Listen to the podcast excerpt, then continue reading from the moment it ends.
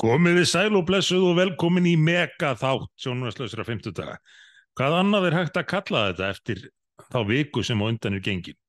Þetta verður ekki ódýr þáttur eins og pítsur fyrir 30 árum, þetta verður rándýr þáttur.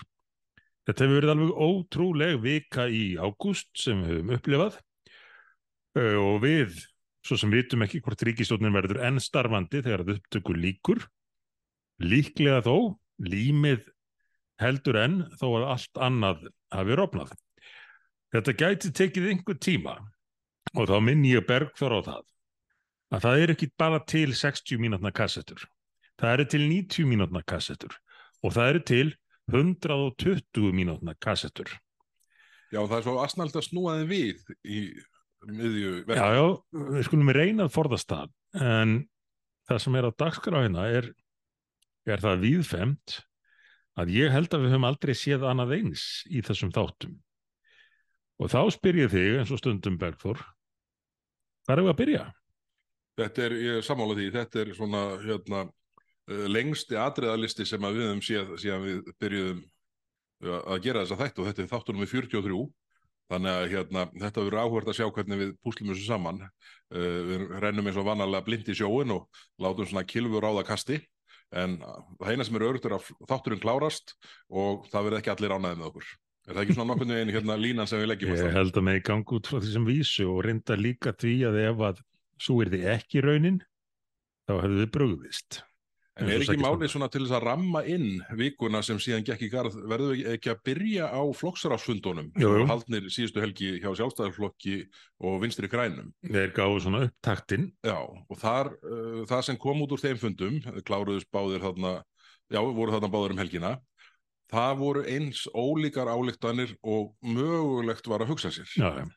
Bara, bara í vikunni það... sem átt að vera einhvers einhver svona, svona samræmingar vika sko, til að ná liðinu saman þetta var svona hópefli í sikkurum salnum já, já. og hérna, heyrðu þarna koma út álíktanir sem eru bara eins og álíktanir sko, svarina óvinna að, ef einhver sæði þetta sem þekkt ekki til íslenska stjórnmála mm. þá dykti við komað ekki huga að veri mögulegt að þessi tveir flokkar innu saman Nei.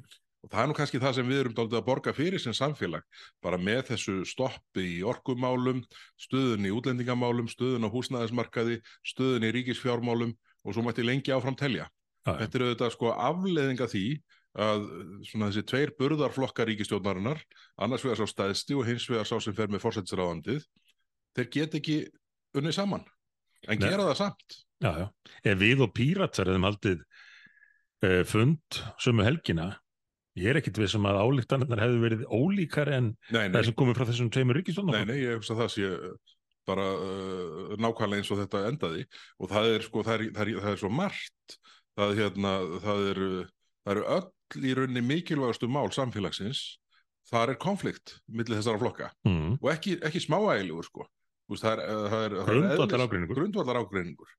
Þannig þannig að ég held að þetta verði svona, uh, þetta verði þetta haust, ég er nú búin að spá því lengi að það verði svona með áhugaverðustu tímum uh, svona í langan tíma fyrir áhuga fólkum pólitík. Það er ekki endilega vist að allt verið gott fyrir land og þjóð en, en þetta verður, það verður, uh, það verður margt áhugavert að gerast og, og þarna, en þarna voru þessir tveir fundin haldnir og, og það var alveg greinlegt að það hefði verið tekin ákvörðun svona svona í, í yfirstjórn eða hérna hjá, hjá, svona, hjá aðstu, í aðstu embættum hvors flokks fyrir sig Mm. að þannig er þið sett út svona svo lína að það væri allt í góðu flokkarnir, flokkarnar hlakkaði til að vinna næstu tvö árin saman ríkisjótt og það væri allt nýjans góðum gýrum kostur væri.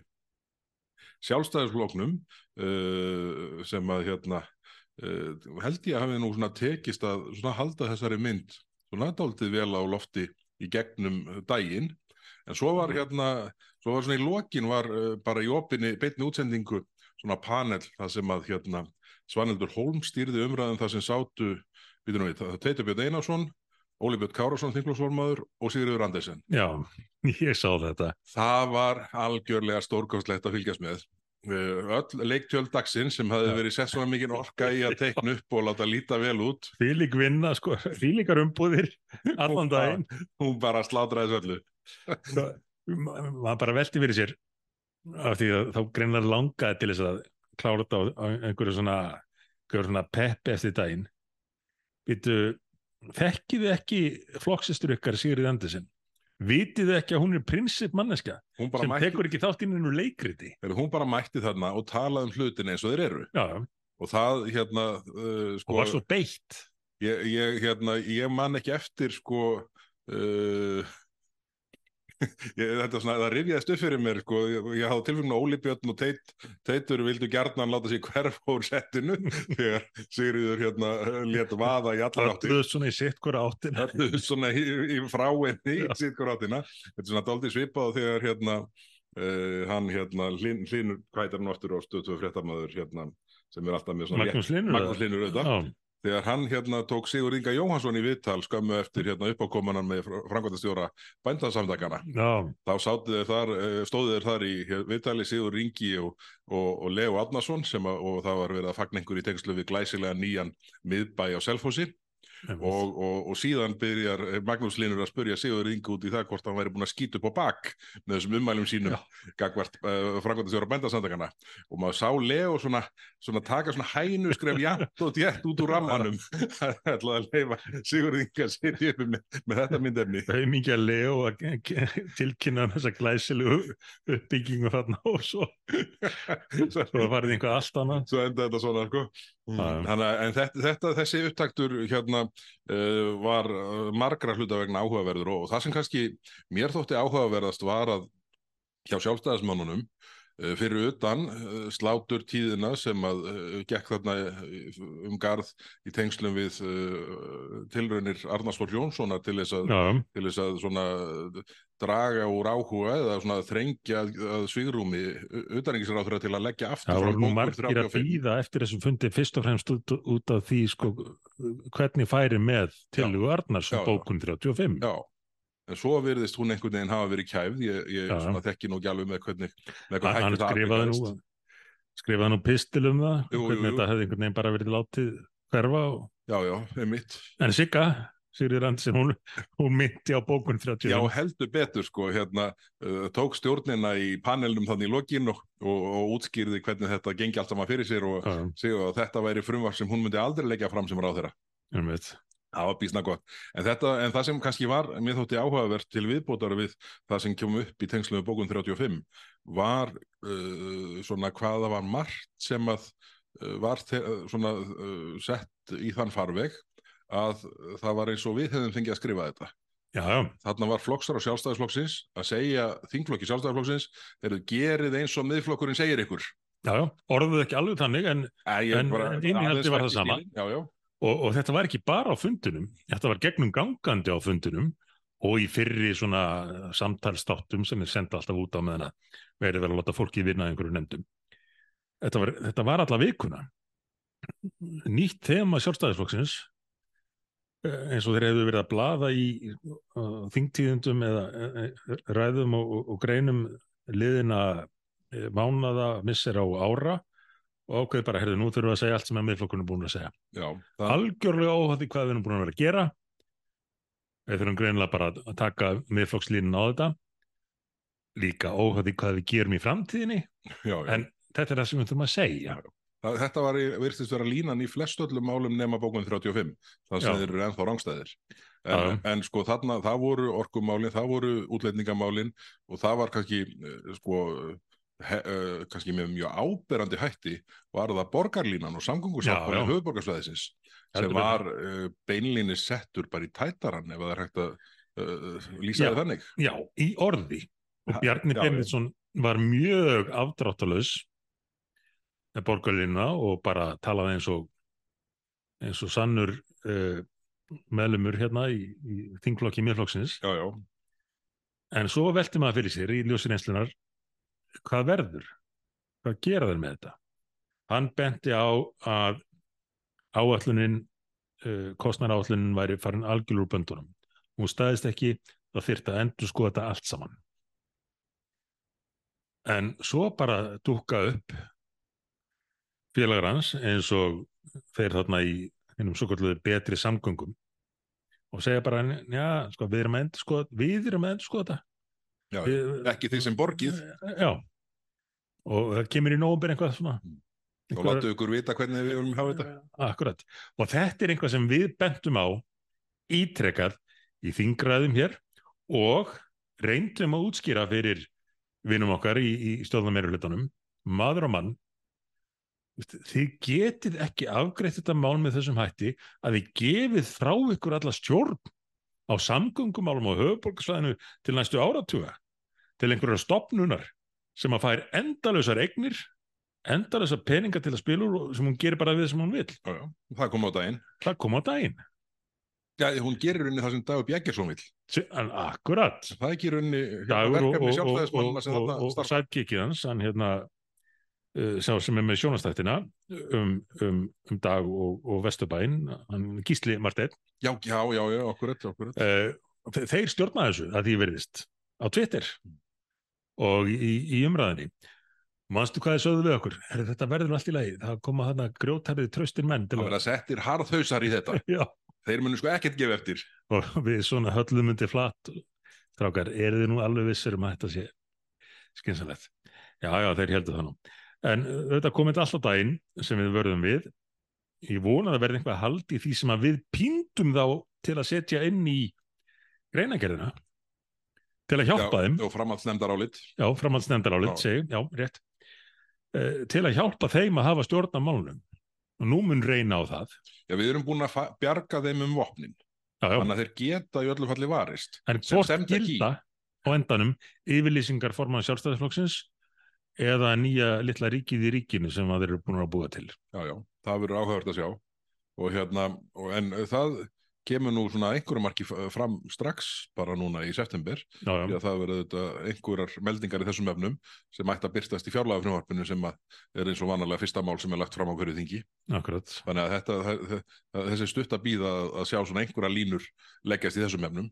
Já, já, En síðan sko, ef við förum aðeins yfir í fundin hjá hérna, vinstri grænum, þá, þá var nú þetta áhugavert þar að, að sjá að, að, að vinstri græni sjá fyrst og fremst fyrir sér að sveitafjölugin muni hér eftir bera kostnað af hælisleitendum sem að hafa fengið höfnun en, en, en ekki, ekki hefðu opinbera þegar þeir telja engar, hérna, engar fórsend til þess að sel, senda þá sem eru hér í óleifi sko, mm. og vilja ekki þjónustu eins opinbera. Það- Rifjum þetta aðeins upp. Mm. Ég, ég veit að við erum búin að tala um þetta áður. En bara til að halda samhengir. Hér erum að ræða fólk sem kom hingað oft á tíðum ólöglega. Bór samt inn í kerfi sem að veitti húsnæði, þjónustu, eh, styrkið, semst greiðslur, helbriðistjónustu að, auki, lögfræði þjónustu á kostnað skattgreðenda til að áfrýja eins og oft og mögulega væri og flækja málið eins og mögulega væri hægt, jafnvel í þrjú ár. Eftir þrjú ár kemur í ljós að viðkomandi hafi aldrei átt rétt á hæli hér. Eftir allan, alla aðstofun, alla greiðslunar.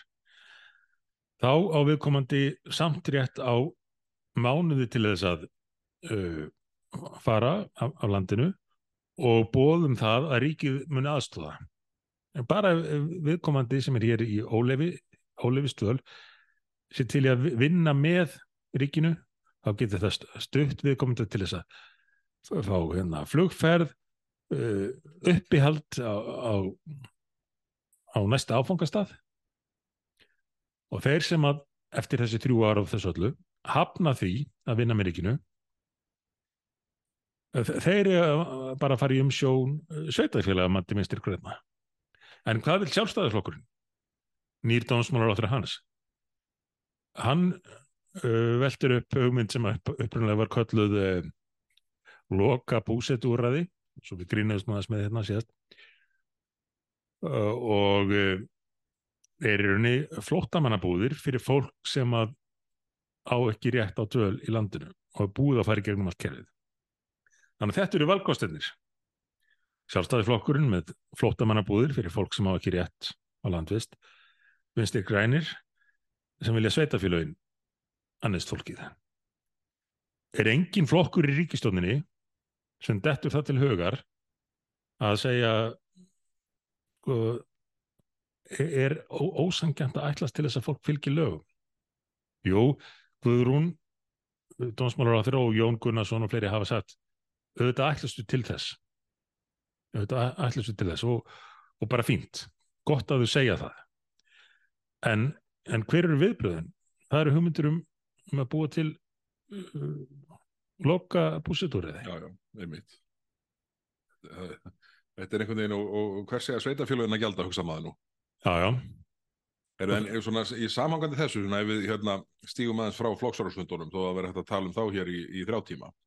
En þá náttúrulega þessu, kannski þessi fundir dróðu með svo ábyrjandi hætti fram svona innri megin stjórnaflokkana sem við erum búin að vera fjallum af og til já, og, svona, og síðan þessi svona innbyrðis megin þeirra en það sem kannski svona kom fram núna í vikunni sem að hérna sem er allarar aðtegli verðt. Það var viðtal við Jón Gunnarsson, fyrirhandi dómsmálur á þeirra, í þætti hérna, Þóraðins Hjartarssonar einn pæling. Þar sem, Já, að, þar sem að Jón útskýrir með hvaða hætti vinstirhefingin grænt frambúð, samstarfslokkur í ríkistjón, hafi gert það að kröfu hann viki úr áþyrastóli ef þau verðu hann vantrusti þegar það kom fram. sko, mér finnst þetta að vera stórfrétt eh, og eins og við fáum nú ofta að sjá um einhverja stjórnularfræðinga velta vöngum alltaf sömu vangavelturnar Sömu mennir. sömu menninir já, líklegt að ríkistjórnin falli í bíli en þetta getur nú orðið erfitt og einhvern svona þarna var komin frétt um það að vinstri hefingin grænt frambóð í þessari ríkistjórn er ekki aðeins búin að fá að reyka einn heldur tvo ráð þeirra sjálfstæðsflokksins og já. hvenar hefði þetta gerst áður að Vafge eða alþýði bandalaði þess vegna eða sósélistaflokkurinn, gamli fengið að reka tvo ráþeira úr, stjórn, úr, úr, úr ráþeiraliði sjálfstæðisflokksins Þetta er óhugsandi í öllu samhengi þangað til bara nýlega. já, Og, en þetta verðist bara vera hann takturinn. já, já ég, emna, er eitthvað sem þeir muni ekki láta sig hafa til að, að fá að hanga með Þeir eru búin að kingja svo mikillega ælu sjálfstæðismennir að þeir eru komin að þann stað að þurfa að fá lánað ælu annar stað til að kingja. þú varst nú með einhverjar einhverjar lýsingar á þessu með hvernig það væri farnir að, að setja nút á morgunkotni sitt Já, með vísan auðvitað í, í frægum Ali Brynjas Nýrssonar um að hann væri í stjórnarliðin og hann þyrfti stundum að kingja ælunni já, já. en, En, en, hann þó sko tjáði sig það er vont þegar menn gera eiginlega ekkit annað dagana langa já, já, en einmitt það. Til hvers er að það farið marki. sko ef að menn koma síðan engum málum sinna í gegn? nei, nei koma engum málum sína í ge- gegn það er nú akkurat það sem við höfum hort upp á hverju hefur sjálfstæðisflokkurinn komið í gegn sem að vinstri grænir gætu haft einhverja raunverulega ástæð til að vera á móti að menna Vafki bara heldur áfram að hýja á þá og gera það sem að sáflokkur vill og sjálfstæðisflokkurinn kingir En, já, en talandum að hýja á sjálfstæðisflokkin og, og þau, þau, þau í Vafki, þá verðum við núna að færa okkur yfir í kvalviðbannið. Það, hérna, það var stórfundur, rí, uh, hérna, ríkistjónafundur á Egilstöðum fyrir í dag, Já. þar sem Svandi Svarastóttir matvælaráður kom fra, út eftir fundin og, og hérna, hún er áhugavert, það var í streymi á, á vísi, það var svona upp, rúlaði þetta aldrei lengi áður en fundurinn byrjaði. Og, og Svandís virtist vera hérna, í samtali í síma við einhvern blaðamann á morgunblaðinu. Mm. þá var alltaf hægt að skilja það að saminginu og ég, ein setningi var að þú ert búin að skrifa um mig með svo neikvæðum hætti að það er alltaf ég nenn að tala við þig eða vil ég tala við þig? Ég mista þessu. Það er alveg, ég þarf að aðtöfa á netinu hvort að þetta hangir en það indi Já, já. en, en við gruna nú að þetta hefur verið klift framann af henn en, en þannig að hugsa ég bara hvað er bára þegar maður þarf á hann að handla en, en hvað er bannið hérna, það er það er uh, búið að vera mjög heitt mál í gegnum sumarið og uh, Svandi Sváastóttir setti reglugjör í dag sem að ég var nú búin að spá, spá því að uh, ef að hún færi þá leiðar en að klára kvalviðarna með svona tæknilegu rótöki þá myndi hún sennilega gera kröfum það í reglugjörð að kvalur sem er í skotin er það að vera klættur liðupúltreyju það er svona Já. tæknilega hindrunin sem er sett það var þín kenning en gallin við hann er svo að eh, er sá að Katrin Jakobsdóttir heldur með Liverpool já það hefði sennilega já, það hefði sennilega ástæðan fyrir því að þessi leið farin. Coventry treyja Já, en, en sko þetta er, þetta er þannig að uh, í dag er tilkynnisvandís síðasta mögulega tímapunkti til þess þetta gengur allt út á að, að hámarka skadan að kvalviðar megi hef- hefjast á morgun. Ég held að Mhm. menn séu nú ennþá svona klóra sér í kollinum yfir reglugerðinni sem að byrt er. En uh, það sem kannski stóra uh, hérna máli í þessu því nú held ég að svona sjálfstæðist þingflokknum sem mjög létt að, að það allavega geti hafist kvalviðar og þeir þurfi ekki að standa við stóru orðin. En það Já. er bara korter í að þessi staða komi upp aftur. Því að nú eru þetta hérna, leifistífambili að renna út í lok þessara vertíðar sem er bara, bara nokkra vikur eftir af. Já, og þá kemur að því að endunja uh, leifi til kvalveiða og þá held ég að Svandi Sváðsdóttir muni bara sitja á ríkistofnufund og segja heyrðu, það stendur ekkit um það stjórnarsáttmálum að ég þurfi að endunja þessa, Nei, þessi leifi ég akkurat. mun ekki gera það, over my dead body Þú getur rétt ímyndað þér. Og þegar ég las reglugerðina, ég fylgdist með því hvernig hún dytti inn og um hún byrtist, las ég hana. Og maður gæti ekki dreif aðra álöftunum en þá að þarna væri svona verið að leggja upp næsta leik. Það væri verið að búa til sem flestar gildrur til að geta síðan sagt að tímabilinu er loknu. Heyrðu, Það eru bara ómargir vankantar á þessum veiðum miða við þau skilið sem við settum Þannig að við getum ekki leftum að halda áfram. Já, já. Þetta held ég að sé uh, planið. já, það sé mjög líklegt og síðan, síðan eru sko, það er nú einhver áhald um það sko, hvort það eru settar inn þannig einhverjar kröfur um námskeið sko, hérna sem að sem að séu sko Já, ítarlegri og námskeið í meira líffræði íþyngjandi. kvala, já, já, já, já, heldur en, heldur en menn hafi þurft að undirskangast hinga til og þá uh, hvort að það hefur þau áhrif að, að kvalviði tímabili tefjist, maður átt að síkja á því. Nei, En það verður áhvert að sjá uh, frétturnar eða heyra í fyrramálið hvort að skipin hafi verið senda stað eða hvort að starfsmennir hafi verið sendur á námskeið. En það síðan er búið að vera mjög áhört að fylgjast með síðustu daga áróðrinum gegn kvalviðum. Herri, það var nú ekkert smáraðið maður. Ég, sko maður hérna fór að sjá til dæmis vísir.is virtist vera teppalagður af greinum sem að voru nú sumar mjög stuttar hvað texta var þar. Já, já. Þetta Bubbi Mortens hafi verið með fimm orð Hm, í sinni grein. En svo fylgdu þessu öllu vídeo. Og þetta sko voru ekki vídeotekinu upp á einhvern farsíma, einhver mamatur. Þetta var pródúserað alveg fyrir, Já, já. sko, þetta var bara eins og, þetta var allt saman rándýrt stöf. Alveg fjöldi fólks og- dreina flót í, í þessu. Og, og, og maður veldi bara fyrir sig hver, hver, hver borga brúsan og, og er Já. þetta að því að nú hérna, er það ekki True North sem er búið að setja Jú. í farveg kæru vegna þessar rákurðuna í dag já. Þa, það er nú kannski og, að lögmaður þeirra er, Katrín Oddsdóttir eða ekki jú, Já. það er hérna uh, sko uh, menn með verða nú aðeins að hérna svona uh, kunna sig, það er nýbúið að setja hér reglur sem að uh, bæta rekstra skilir þessara fyrirtækja gríðarlega betur. með, með beinni útgreislu ríkisjóði á er ekki 35% af kostnaði sem er endurgreitur Jú, jú, og hjálpar mjög til við Hollywood bókaldið eins og það kallaði. Það er nú frægt. Það er í bæ, hvernig kvikmyndaverin ná að stilla bókaldið þannig að og heimsfrægar myndir sem slá aðsóknarmett ná aldrei hagnaði á, á pappir. Nei, nei. En ég, en ég hérna, ég er nú kannski ekki nógu öflugur í að fara í bíó en hérna, þarna var mikið sínt frá einhverjum, það var svona mynd sem fór um neti í dag sem voru einhverju leikarar eh, sem að hérna hótuðu því að, að, að taka aldrei upp mynd á Íslandi ef að, ef ef við erum ekki farið að þeirra kröfu í atvinnumálum á Íslandi og þarna var reynt að gera mikið úr því að fólk sem aldrei hefur komið til Íslands Já, myndi aldrei koma aftur til Íslands já, já, en maður sér alveg hvernig þetta gengur fyrir sig. Að því að dagana þarna undan, þá voru einhverjir byrjar að segja, þetta getur vakið viðbrögð úti, gagvart Íslandi, meðal annars eh, gagvart kvikmyndagerðinni. Æja, hvað gerir svo næst? Það sama fólk og þóttist vera svo hrætt um að þetta myndi vekja einhver neikvæð viðbrögð. Það bara ringir út og segir, herðu, nú eru hérna, nú kannski verið að fara að leifa kvalveðar aftur Íslandi, getur ekki sett einhvað í gang.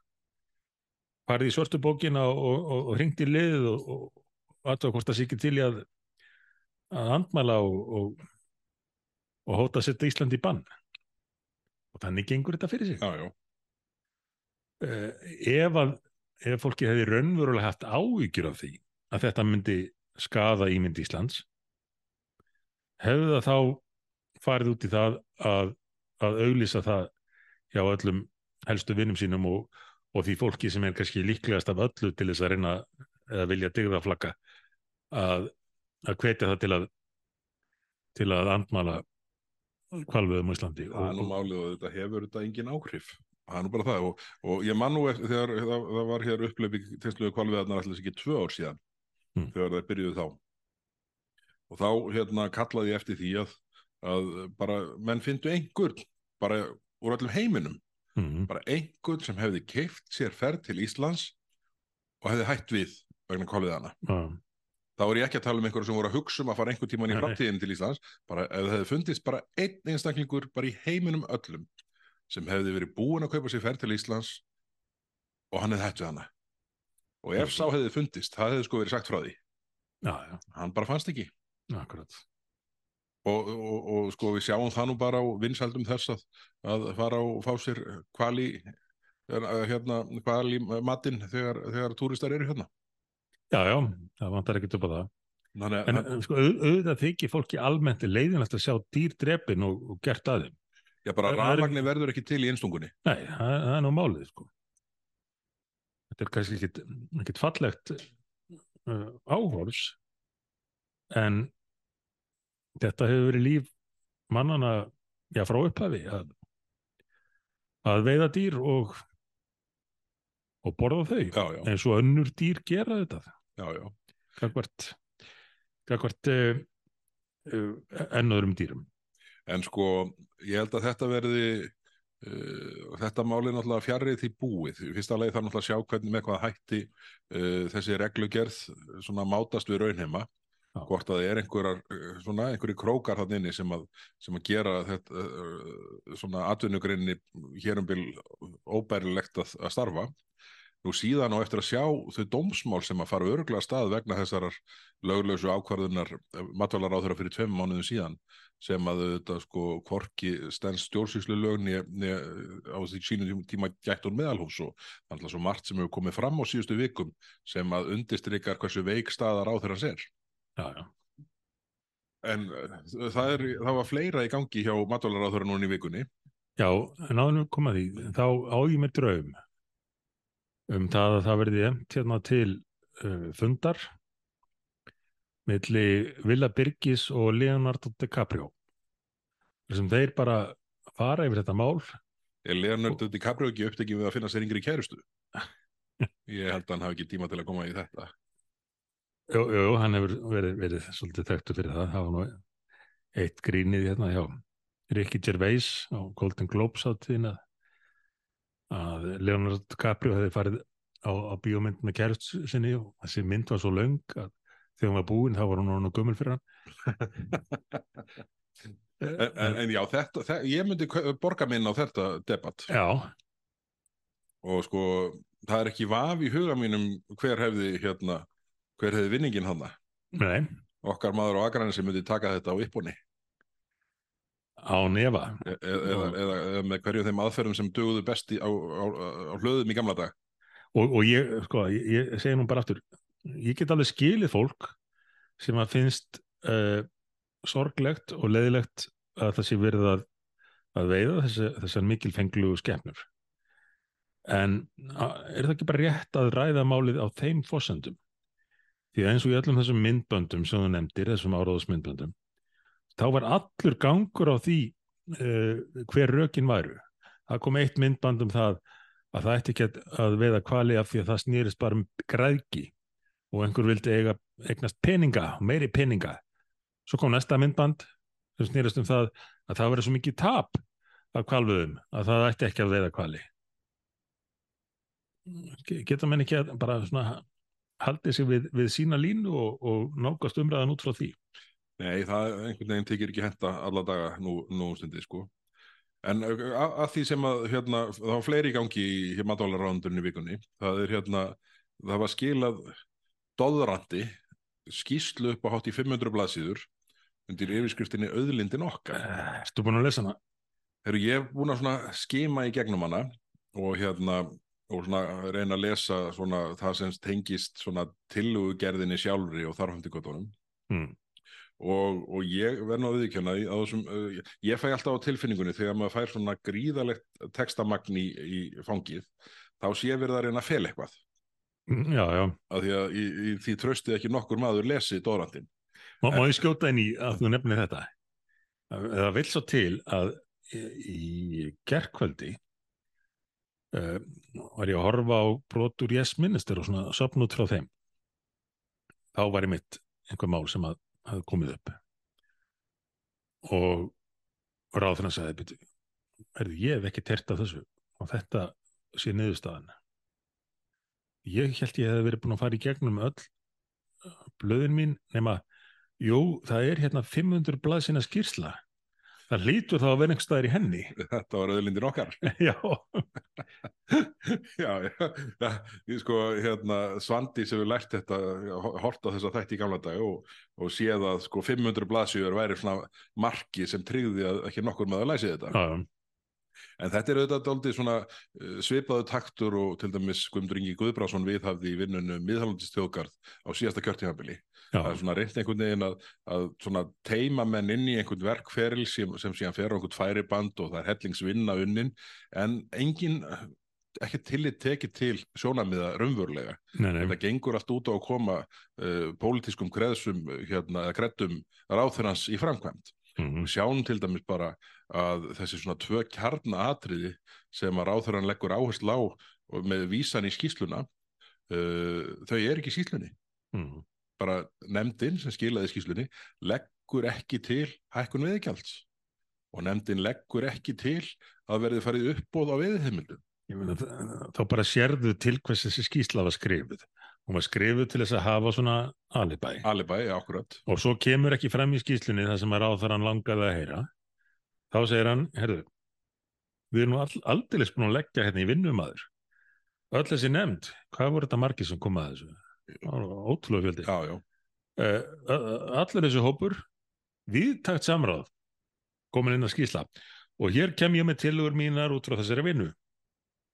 Og tillögurnar finnast hvergi í niðurstöðu vinnunar og svo er annað svona til þess að flækja og tryggja ekki nokkur aðili geti raunverulega lesið sér í gegnum þetta að það eru svona einhverjar svona hérna milli bráðabyrðar tillögur 60 talsins eitthvað svo liðis Já, sem að hérna er síðan sagt þú veist, þetta er hérna þetta er hérna nú, nú er erfitt fyrir okkur, nú er Vilhjálmur Átnason á skjánum hjá okkur. já hvað, er, hvað er hann að tala um? það er hans ég að ræða?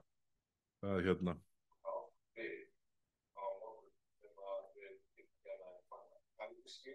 það er kvalviði bannið hann er villi mjög hamingjusamur. Ég- hver er þetta í settin á móti núna?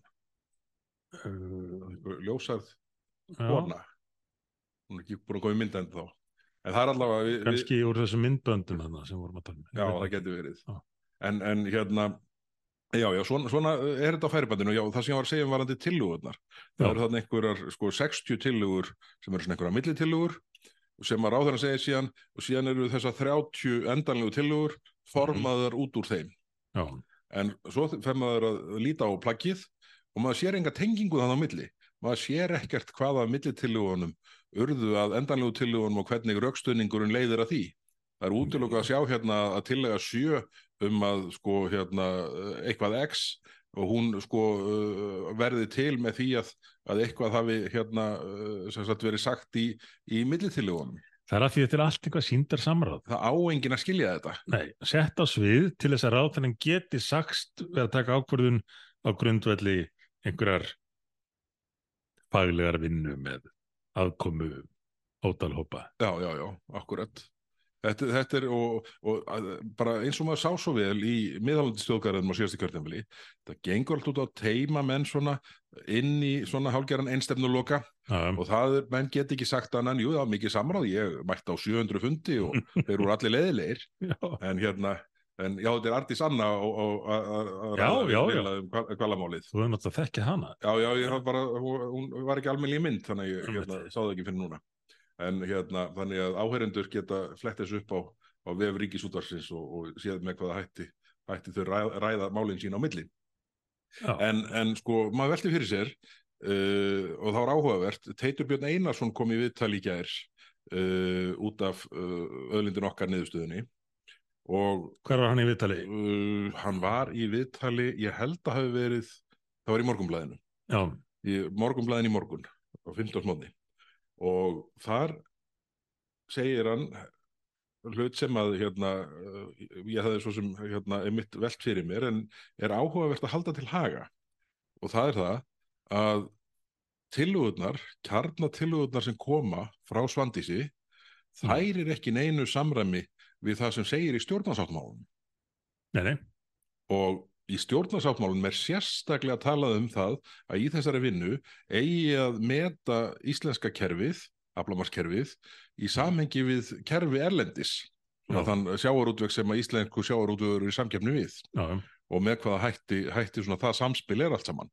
En um það er ekki eitt orð á þessum 500 blaðsíðum.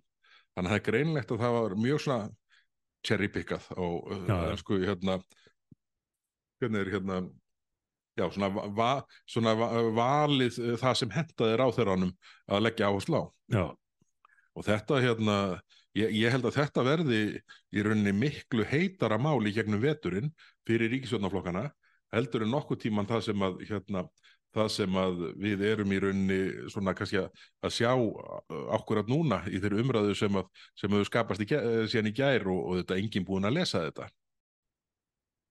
Það má allavega í öllu falli segja að, að hérna að þetta mál sem snýr að sko á, fyrir áallunum Svandís og Sváðstóttur um að, um að uh, leggja fram ný heldarlög sem hann aldrei skilið þörfina fyrir nýja heldarlöggjöf þegar á bara svona eins og hún saði upp að við tvíka til nokkrum hlutum. Já, þá hérna, uh, maður hefur svona tilfungna markmið með því að leggja fram nýja heildalöggjöf sé að gera regluverkið svona lausar í reipónum og kannski auðveldara til túlkunar til, uh, til samræmis við hennar sjónamið í málinu.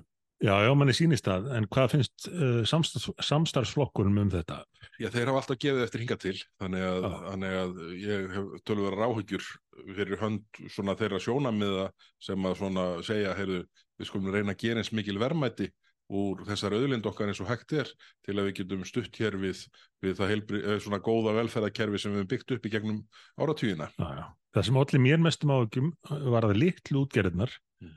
eru mjög áhugjufullar Já, yfir því í hvað stefnir. já, já, akkurat. Það blasti við alveg, alveg um leið, sko. Og hérna, og ekkert uh, í rauninni engin, engin ástæða og ekkert sem hefur komið fram sem að, hérna, svona, mér finnst gera uh, það svona, uh, svona að þetta mat þeirra, litlu og millistór útgerðina sér átt. Nei, nei. Herðu, en úr auðlindin okkar sem við höfum ábyggilega eftir að ræða aftur hérna í þessum þætti, bara vegna þess að þetta er auðvitað mál sem mun svona rúla í gegnum þingi, í gegnum þingveiturinn og, og svandísu flagga því að, að, að það verði verði hérna lagt fram heildar, heildar frumvarp, semst heildar endurskoðun laga um, um, um, um hérna sjáarútveg á sennilega vortinginu ef ég skildi það rétt. Þannig Mm. að það verður eitthvað stuði kringum það. En þá veðum ekki að færa okkur yfir ríkisfjármálinn. Jú, þau komu nú til umræðu Þa, í það, vikunni. það rak marga í rógastans uh, hérna, annars vegar í tengslum við uh, hérna við viðtal sem fjármálaróþra Bjarni Benditsson fór í, í dagmálum uh, í aðdraðanda flokksráðsfundarins þar sem Mhm. hann kom með nýja hagfræðikenningu þeirra gerðar að, að uh, ríkisjóður hefði ekkert með uh, verðbólgumarkmið að gera heldur væri þetta bara mál Seðlabanka. Já, já, og kynnti líka þessa tímamóta kenningu sína á blaðamannafundi sem var skyndilega blásið til. Já, var þetta blaðmannafundur sem að sagði þetta? Já, Heyrðu, já, daginn fyrir Já, og, svo, svo, svo hálfur réðst að ná Sælabankastjóra í dagmála þetta alveg, þeir eru að gerist þetta. Það var alveg furðuleg staða sem kom upp. Fjármálaráður hann saði að, að ríkisfjármálin, þar á leiðandi ríkistjórnin og, og hann hefði bara ekkert með verðbólgun að gera.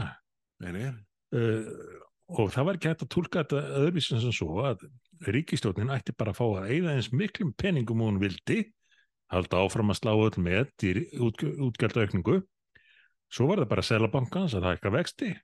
Já, já, og hverju borga allt saman?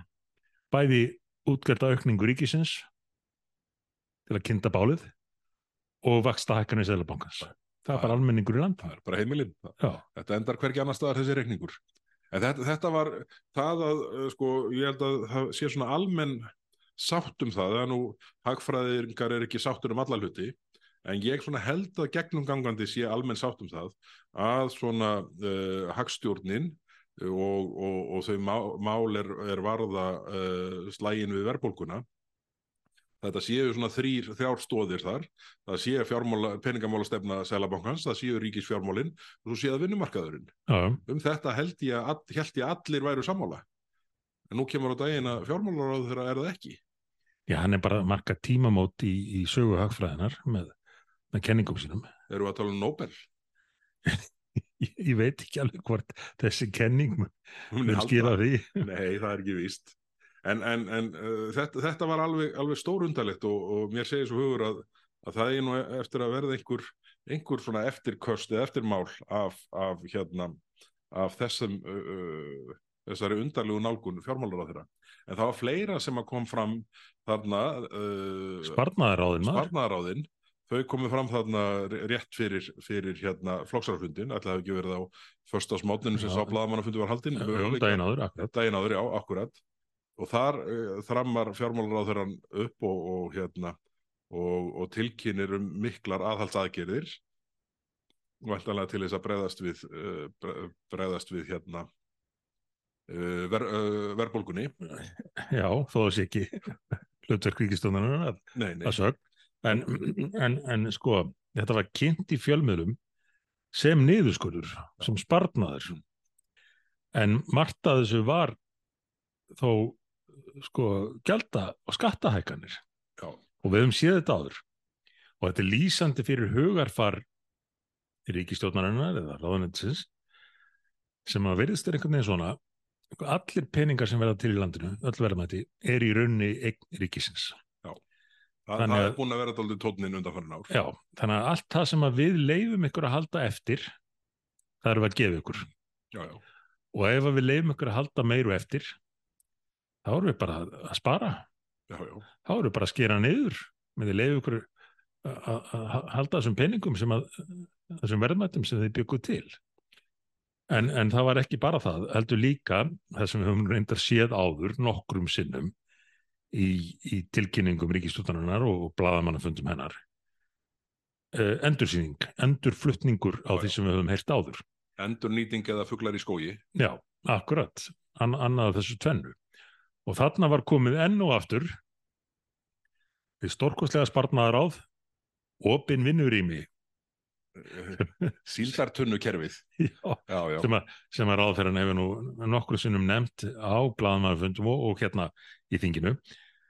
Eh, hversu mikið ríki getur sparað með því að, að þjappa fleiri eh, ríkistarfsmönnum saman í minna húsnæði? Ætli stefnans í orðin að, svona ráða fíngerðari ríkistarsmenn heldur hinga til? Það lítur enda þar. Minni borð Mm. uh, minni ríkistarfsmenn uh, og, og þar fram til göttunum en þetta velti maður fyrir sér hvort að þetta muni þá bara á endanum fjölga þeim því að það nú sagt verið regla að, að stopnannir fylla alltaf út í það húsnæði sem þeir hafa. Já, já, og ef að húsnæðið býður upp á fleiri skrifborð þá, þá nýta menn það. þá munum menn mæta. En, en þetta, hérna, ég er nú með pistil í morgunblæðinu á morgun það sem ég svona á reyna morgun föstu dag morgun föstudag, það sem ég reyna að ramma þetta inn og, hérna, og mér þótti það svona sérstaklega áhugavert að uh, Bjarni skildi þarna stilla upp svesat aðgerðum sem að uh, lúta að því að það eru 17 miljardar aðhald og síðan skattahækkanir uh, sem að var svona á, hann ákvað að sleppa í kynningunni hversu umfangsmiklar verða Já, en, en það eru inn í aðhaldinu? Nei, nei, nei, það eru 17 miljardarnir eru aðhald og síðan eru skattarnir uh, sem sagt úr hinni áttinni. Já, En það er hérna það sem uh, hérna Bjarni, uh, það sem svona stuðaði mig eða, eða svona ég staldraði við frá þessari kynningu var upphæðin. Mhm. 17 miljardar uh, í aðhald og, og ég svona fór að klóra mér í kollinum og fannst, fannst, mér fannst hann hafa talað um þetta einhver tíman á fyrirstigum já, uh, hvert, svona hvert aðhaldi þyrft að verða. Og hérna og, og þá rifjaðist upp fyrir mér ræða hans, síðasta ræða fjármálaráð þeirra í umræðu um fjármálaállun núna undir þinglokk 9. júni síðastliðin þetta var, var bara í blá lok vorþingsins. Já, já, ég man eftir þessu þegar hann hann var hann svolítið svona pyrraður, var það ekki Jú, hann var alveg tóttið fyrir á svona, það menn voru að gaggrína hann fyrir þennan gíg, gífurlega útgjaldavöxt og já, hann var rónin pyrraður, ég held að sé óhætt að segja það. Þú ert nú slíkur tækni frömmuður, Bergþór, heldur þú getur spila brot úr þessari ræðu? Ef að lefa þess að rúla, Mm hérna kemur þetta. Nú þeir sem að vilja yfirbjóða þetta, þeim verður velkomi hérna við lok afgriðslu þessa máls að koma með tillögurnar sem að þannig að það standi eitthvað eftir eftir öll stóru orðin sem hafa fallið hér í umræðinni um að það sé ekkert verið að gera í því að draga úr útgjöldum ríkissjóðs. Í því sambandi myndi ég segja að upphafsverðmiðin ætti að vera 25 milljarðar. Þeir sem koma með tillögur um að gera eitthvað minna en 25 milljarða, eru ekki að leggja neitt markvert til í baráttunni gegn verðbólgu. Þar kom það. Þetta gæti nú ekkit verið svona mikið skýrari afstæða fjármálar á þeirra heldur en þarna kemur fram. Það er, það er bara þannig að ef að þetta næri ekki hérna 25 miljörðum, þá eiga menn ekkert að sko hérna, ekkert að vera hérna, já þá eru menn bara ómart tækir. Hvernig, já, og þó þessi sko stjórnmannanstað að leggja til sparnaðar á já, og hann hefur nú sko alla þræði í hendi sér sko. Já, En þannig að þarna segir hann 9. júni í, í, í sumarbyrjun í því sambandi myndi ég segja upphásvermiðin ætti að vera 25 miljardar. Það er semast í því, í því samhengi að menn leggja til sparnaðatilugur. Það er bara þeir sem komið tilugur um að gera eitthvað minna en 25 miljardar eru ekki að leggja neitt markvert til baráttuna gegn verbulgu og svo kemur hann með 17 miljardar. já. Hva, hvernig hefur að skilja þetta? Ég veit ekki, verður ekki bara fáin hérna í þáttin? Og hérna, já, og síðan held áfram þannig þinginu. Þeir sem ekki geta lagt fram tillögu hér á þinginum að auka aðhald og draga úr hallanum sem nemur svona hálfu prósent af landsframlegslu eru eiginlega ekki margtækir í umræðinni þetta er nú býstna svona hátt reitt til högs og var þetta svona sjálfskýling? Já, það lítur þannig út. Ég, ég hafði á tilfinningu, ég man að ég sagði það í ræðu þarna þessum tíma að, hérna, að hann hefði öruglega nefnt 25 miljardar þarna því að ég hafði talið upp 20 miljardar hérna, uh, aðhaldsaðgerðir í ræðu minni í Já, ég manni því svona óforvarendist þá hendur við nokkrum atriðum fram. Já, já, og, og bara, upp í 20. bara on, on the run eins og sagt er sko, þannig en, en þarna, það, þannig var til við með 25 eða þú ert ekki marktækur. já, já, þannig Skömmu áður en hann tilkynnt um Svo- svo- 17 miljardar. já, svo ég fjalli öfugum með ríkjar. Já, Þannig að þetta er, þetta er eh, mér, mér finnst þetta nú svona eins lítill metnaður og hægt er að hafa það í, í, í já, já. En ef að ríkistjóðin lítur svo á að það sé ekki hennar hlutverk að berja sig verkbólgu, já, þá er þetta kannski skil, skiljanlegt. En þessi 17 miljardar, þetta 17 miljardar aðhald á útgjaldarliðinni, það er sko innan við 10% af vextinum í fyrra já. á milli ára. Bara aukningunni á milli ára. Þetta er alveg ótrúlega staða sem við finnum okkur í og, og, og, og núna er, er þessi 17 miljardar, þeir eru uh, eins og segir þarna í fréttin og heimasvíður ráðinsins, Hmm.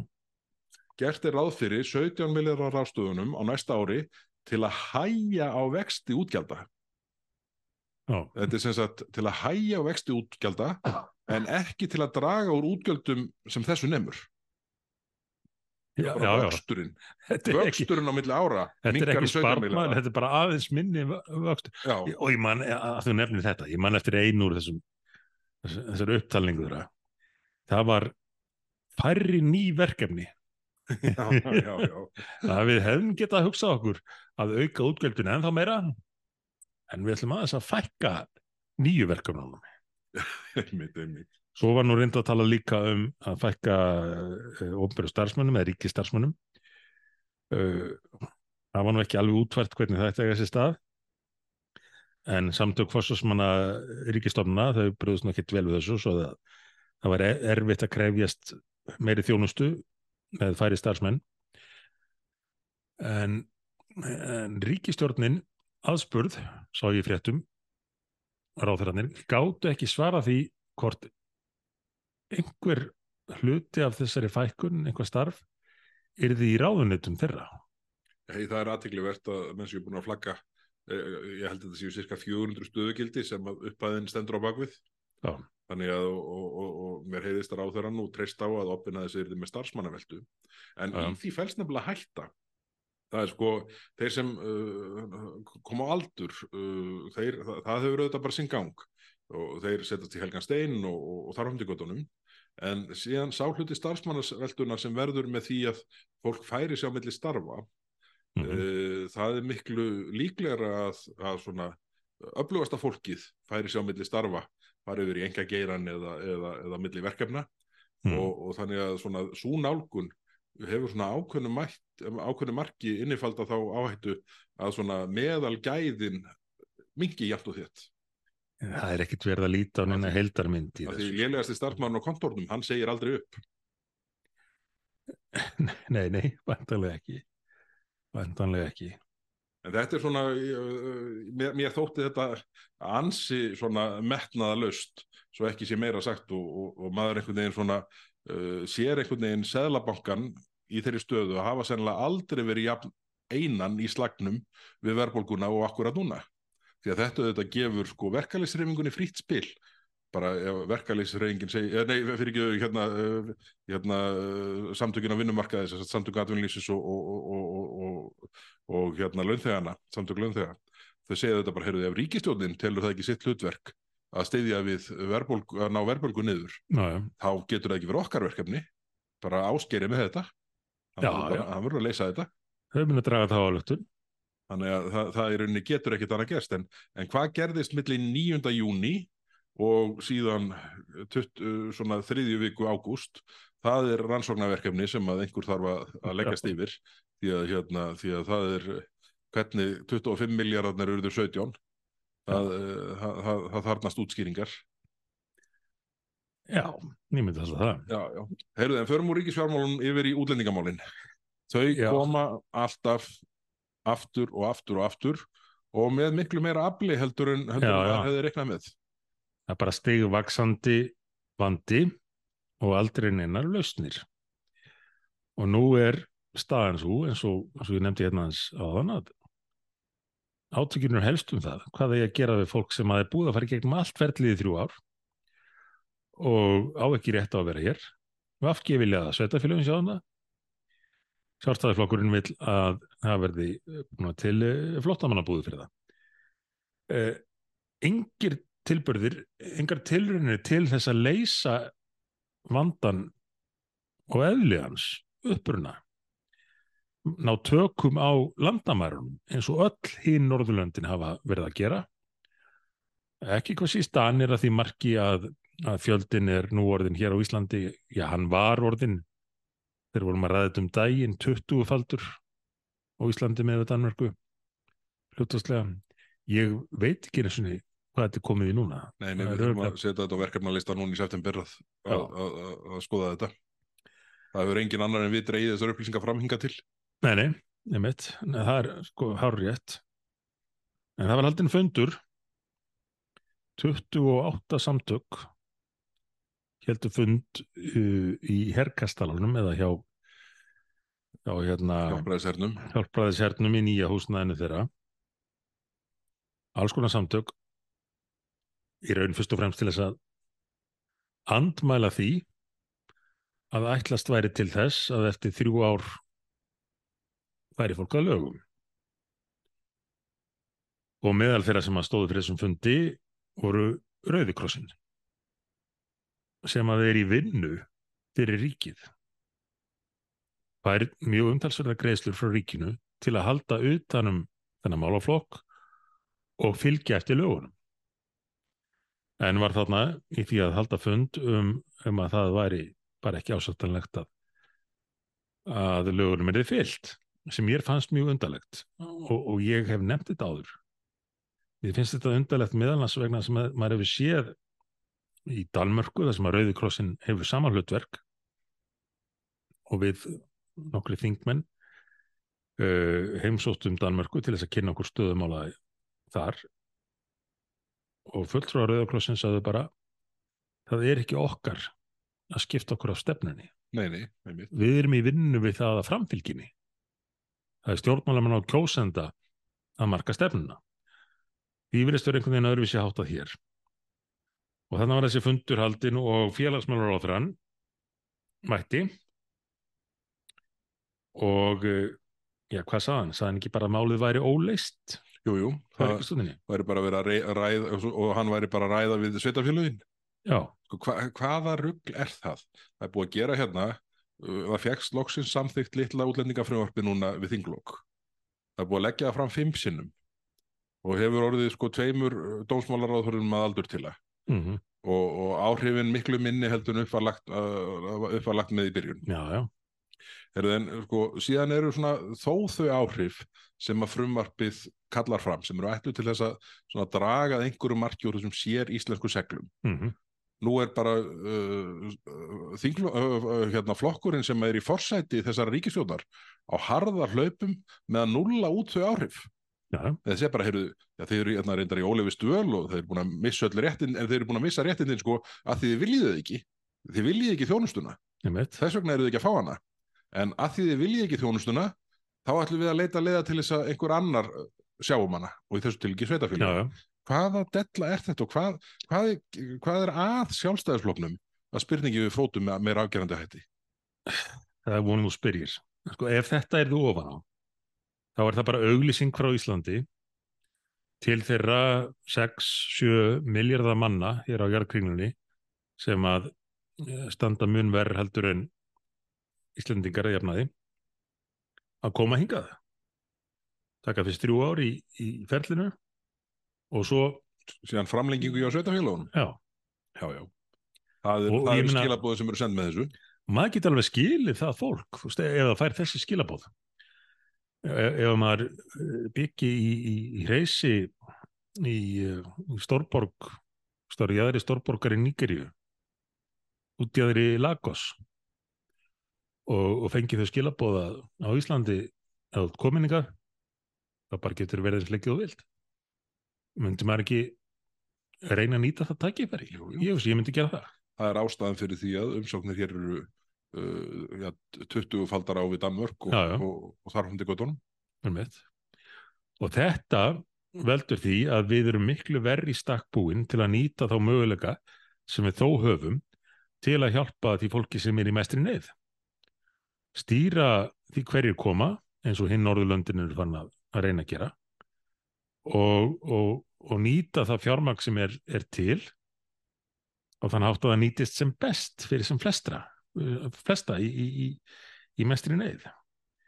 Þannig að það er ekki heil brú í þessu og ég á erfitt með að sjá það að sjálfstæðisflokkurinn sé að fara að ná áttu með að taka, taka í þessu þrátt fyrir meldingarna núna á, á flokksráðsfundunum og, og einhver viðtölu í vikunni. Flokkurinn bjóð til kerfið. Flokkurinn kom með útlendingalögin sem að allir, vandin byggist á. Hann ályktaði um þessi mál á síðasta landsfundi sínum þar sem hann, hann var nú eiginlega með opnari stefnu heldur en samfélkingin sem fundið á saman tíma uh, en Vafgi vilja hins vegar hafa enn meiri enn meiri óstjórn Þú ert aldrei að lýsa þeirri mynd að brennuvargarnir séu núna mættir í slökkulisbúningunum. já, það er ágætið samlíking og ekki bara mættir í, í slökulisbúningunum heldur byrjaðir að, að, að skamma eh, fólki sem að var að sko, reyna að, að slökku eldin og, og bjarga einhverju verðmættum. Já, já. Eh, Þannig að það er, það er undarlegt að horfa upp á þetta en, en um leið á, áminning en en áminningin um það að hversu miklu leiti þetta stjórnarsamstarf snýst bara um umbúðir og yfirlýsingar frekar en einhverjar raunverulegar aðgerðir. Og þetta er auðvitað rætt víða, meðal hans hérna, svo ég horfum út um gluggan á ráðhúsið, hérna í borginni, já, hennu magnaða mannréttundar ráði Reykjavíkuborgar,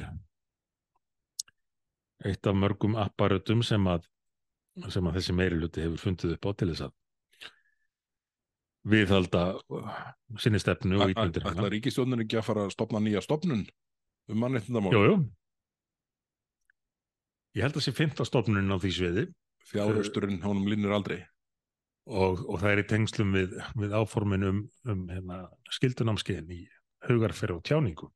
En allir landsmenn geti lært að hugsa eins og viðstir grænir sem að sjálfstæðisflokkurinn alltaf að heipi gegn henn og síðasta þingi og við náðum nú að stoppa í bili. Munið er einhvað þórað voru að gera í því þegar þingið kemur saman núna eftir, eftir uh, skamastund. En fyrir ekki trublaði varandi mannréttaráði góða. Já. Hérna, hinnum við göttuna. Já, varst ekki að hérna, var ekki einhver álíktun sem kom þaðan? jú, jú. Herðu, ráðið var álíkta þetta með þetta vera algjörlega ómögulegt að fólk sem er búið að fá stuðning í þrjú ár og fara í gegnum allt kerfið að það fengi ekki stuðning áfram. Og þetta væri bara ómannúðlegt meiri hlutin kom með einhverja slíka álöftun en minni hlutin eða fulltrúar hans tóku meira og minna bara undir. Fulltrúi sjálfstæðisflokksins sagði að framkoman eh, væri ófyrirgemanleg samkvæmt fyrirsögn í ég held að það veri morgublaðið eða MBL frekar en, en vísir. Eh, Fulltrúi framsóknarflokksins tók undir þetta líka og, eh, og gott er ekki fulltrúi flokksfólksins. Þannig að það, það, það var engin tilhörun gerð til þess að spyrja spurninga, velta fyrir sér, byrju, er þetta nú í lagi? Er í lagi að við hverfum bara frá því að viðhalda hér lögum og reglum? Og þetta er sama fólk og á að vera hjálpa til dæmis heimilisleysum. Þú, þú gerði það nú að umtalsefni hérna í vetur stöðu útigangsfólks og heimilislausra uh, á Íslandi. Þegar borginn saði þeim að geta það sem út í frísi? Já. En, en þessi nefnd, þessi mannréttinefnd, hún er verið ekki að mikla ágjör af því fólki. Eða því fólki sem bara uh, á ekki til nýms og skeiðar hérna í borginni. Ég er nú ennþá að býða eftir, það eru, ég veit ekki, allir ekki komið eh, svona rúmt hálft ár síðan ég byrjaði að reyna að tósa út með töngum afrit af samningnum milli félagsmálaráðans og Reykjavíkuborgar um þess að 1500 hælisleitin Alveg sem borgin ætlaði að taka, taka við. Það var nú eitt dæmið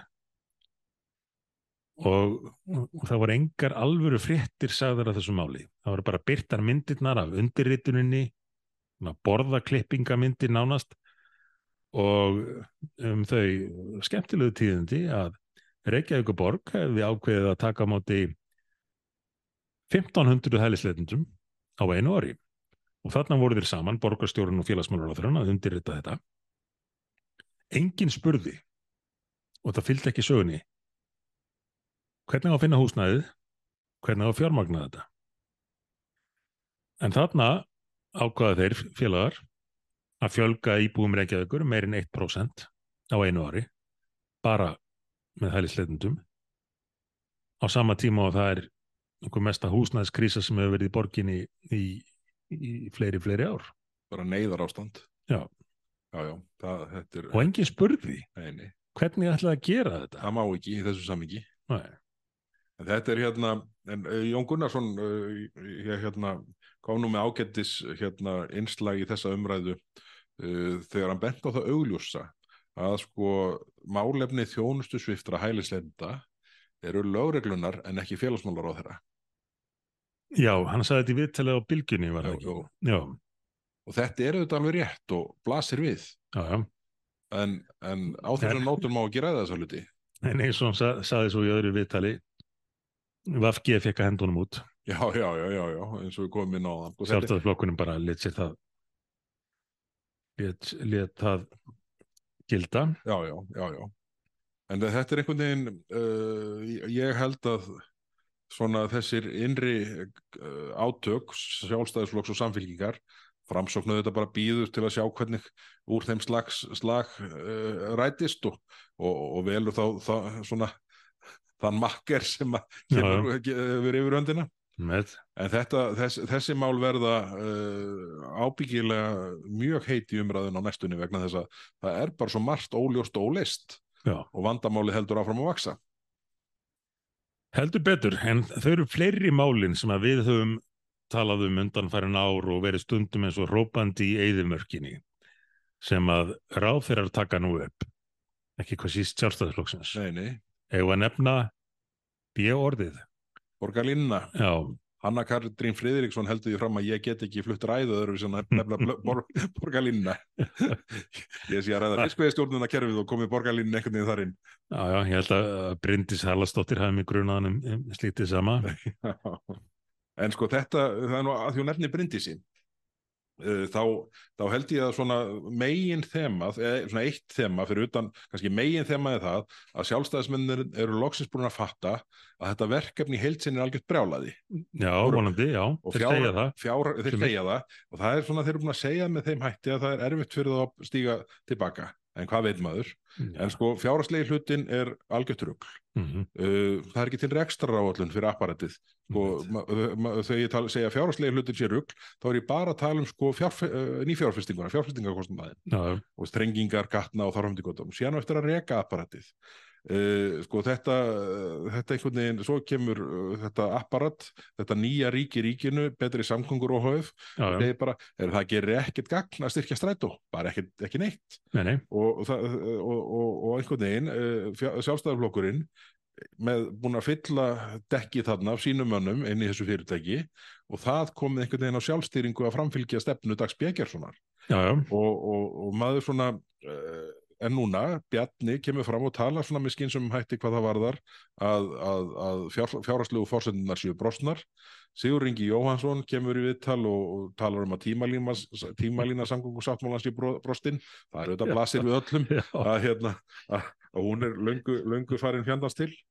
En síðan kemur, þú veist, úr hinni áttinni frangværtæðsjóður í samtaka Sveitafélag og Höfðborgarsvæðin og segja samgóngusáttmálan kom, komin út í miðja á og það sé ekki hægt að snúa við Þetta er einhver sömur og með notuðu til þess að byggja landsbítalan á þessum mögulega vestastað Nákvæmlega sko. það er búið að eigða svo mikill vinnu í að undirbúa þetta að við getum bara ekki hægt Heru, það er alltaf rétti tímin í þessum samingi til að segja, heru, þetta er bara sokking kostnaður, við afskriðum þetta gerum þetta núna þannig að þetta virki.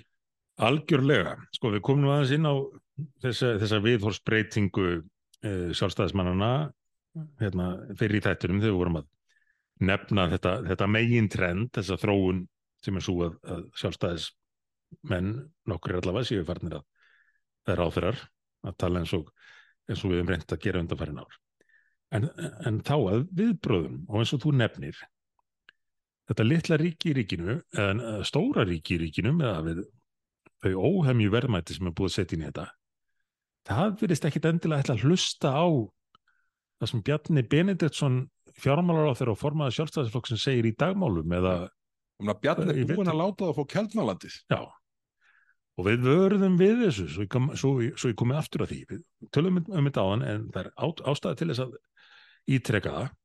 Við vörðum við þessu uppleggi.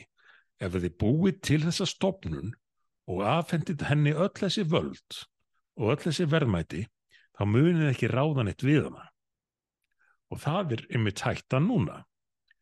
Það var meiri sér þannig að það var skrifað inn í laugin eða þennan sáttmála, þessa álygtun þegar hún er samþýtt hérna á þingi að ef það kemur upp ágreiningur um innihaldið þá ætti að leysa hann hvernig ekki þinginu heldur með einhverjum innan gæðsalappa sérfræðingum á vegum þessar aðila já, já. og allt gekk út á það ef að, að fjárhags áallun uh, gengi úr skorðum þá er það leist með þeim hætti að tímaröð framkvæmda riðlaðist ekki. Já. Þannig að það átti bara að vera opinn krani inn í þetta rugg.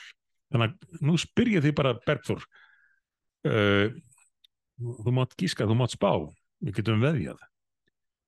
Heldur þú að fjármálar á þeirran, ef hann er búin að ná áttum í þessu, sem við auðvitað vonum að sé, heldur hann munið ná sínu fram, eða kerfið haldi bara áfram á sinni braut eins og það gerði með landsbytalan? Ég held, ég, eða réttur að, ég er hrættur um að kerfið haldi áfram á sínu feribandi í þessu máli og fjármálar á þeirra svona á endanum hallið sér aftur í sætinu og svo bara, ah, ég nenn ekki að stígin í þennan slag. Það eru margir ah, hérna, góðir félagar sem eru, eru rángstæðir í þessu og hérna ég ætl ekki að stuða á þá alla. En þetta eru þetta óbóðuleg meðferð á almannafjö, skattfjö og -hmm. eignum ríkisins. Og í ofanulag þá ætla menn Það er ekki bara það að menn ætla að aðfenda og svo séu búinir að aðfenda kelnalandi til þessa apparats. Ja. Það eru settir miljardar ári úr samgöngu áallinni inn í þetta og síðan er einhver, eitthvað smotteri sem að sveitafélagin á höfuborginna setja inn en síðan er búið að sko uh, opna fyrir krana sem snýra því að það veri sérstök skattlagning, tamagjöld á, á höfuborgarsvæðinu til þess að borga þetta upp og annarkvort munum menn uh, uh, stíga frá því og borga þetta allt úr ríkisjóði eða innleiða viðbótar skattlagningu ofan að allar og þá gjaldtöku sem umferðin er uppin. Það, eh, það gengur út á það, annarkvort af þessu. Og ég tók eftir því að borgarstjórin brást við þessum nýju efasemdum uh, fjármálaráþrans og fleiri sjálfstæðismanna. Ég veit ekki hvort það var nefna Sigurðinga sem að sagða tíma állun væri gengin og skorðum. Ég meina, Ósk veit það, hún er 15 mánuða. Eh, hann brást með, við með því að segja sko, að Reykjavíkuborg hefði verið hönnuð sem sem eh, bílaborg. En, en niðurstaðan hjá honum virtist samt vera svo að innmitt vegna þess að Reykjavík hefði verið hönnuð sem bílaborg og byggð þannig upp þá ætti núna að fara að skipuleggja hana eins og hún væri sko, miðbær Amsterdam eða Kaupanarnar og ég skrifaði mitt um það að að jafnvel í þessum borgum Kaupmannahöfn, Amsterdam það sem eru gríðalega umfangsmiklar almenningssamgöngur og, og annað hver maður á hjóli að það eru samt uh, umferðaræðar í kringum miðborgina og innaðinni oft 6 til 8 akreina vegir. Ég nefndi uh, Hási Andersen reyðstrætti sem liggur beinlinis meðfram ráðustorkin í Kaupanöfn 6 til 8 akreinar hér hins vegar í borg sem að dagur sér hafa verið byggð upp sem bílaborg og gott og vel eh, þá á að kirkja allar þessar umferðaræðar eh, til og frá miðsvæðinu. Þannig að lausnin á, á, á eh, þessum umferðarteppum sem að borgarabúar hafa upplifað síðustu dag og vikur óvinnuslæmar er að taka enn fleiri akreinar í burtu. Já, já. taka eina akreina í hvora átt af helstu umferðaræðum ekki fara í alvöru samgöngubætur sundabraut vegamót og, og, og ljósastýringu eða slít heldur pína fólk upp í þessa þessa borgarlínu að því að láta það sitja fast enn lengur og borga ný tafagjöld sem það vilja reynda að kalla hérna, flýtigjöld núna eftir einhver auðlýsingamaður átt að segja því að hitt hefði verið of svona lýsandi fyrir Newspeak. En, en í þessu samengi er einmitt að vera áhvert að fylgjast með fréttum í Breitlandi núna undarfarnar daga af upptöku nýra tafagjalda í London. Þeir byrjuðu á þessu á miðsvæðinu í, alveg í miðborginni, svo útvikkuður þetta og nú á að leggja alla London og öll útkverfi hennar, nákvæmlega byggðir uh, undir þetta. Uh, og það er bara allt brjálað. Uh, það eru mótmæli, það er búið að skemma held ég fleiri hundruð, ef, ef ekki þúsundir svona eftirlitsmyndavila. Sem eru nú myndavilar eins og úr einhverju, einhverju framtíðarmynd. En það kalla þeir sem, sem er í því að taka niður þessar velar sig Blade Runners.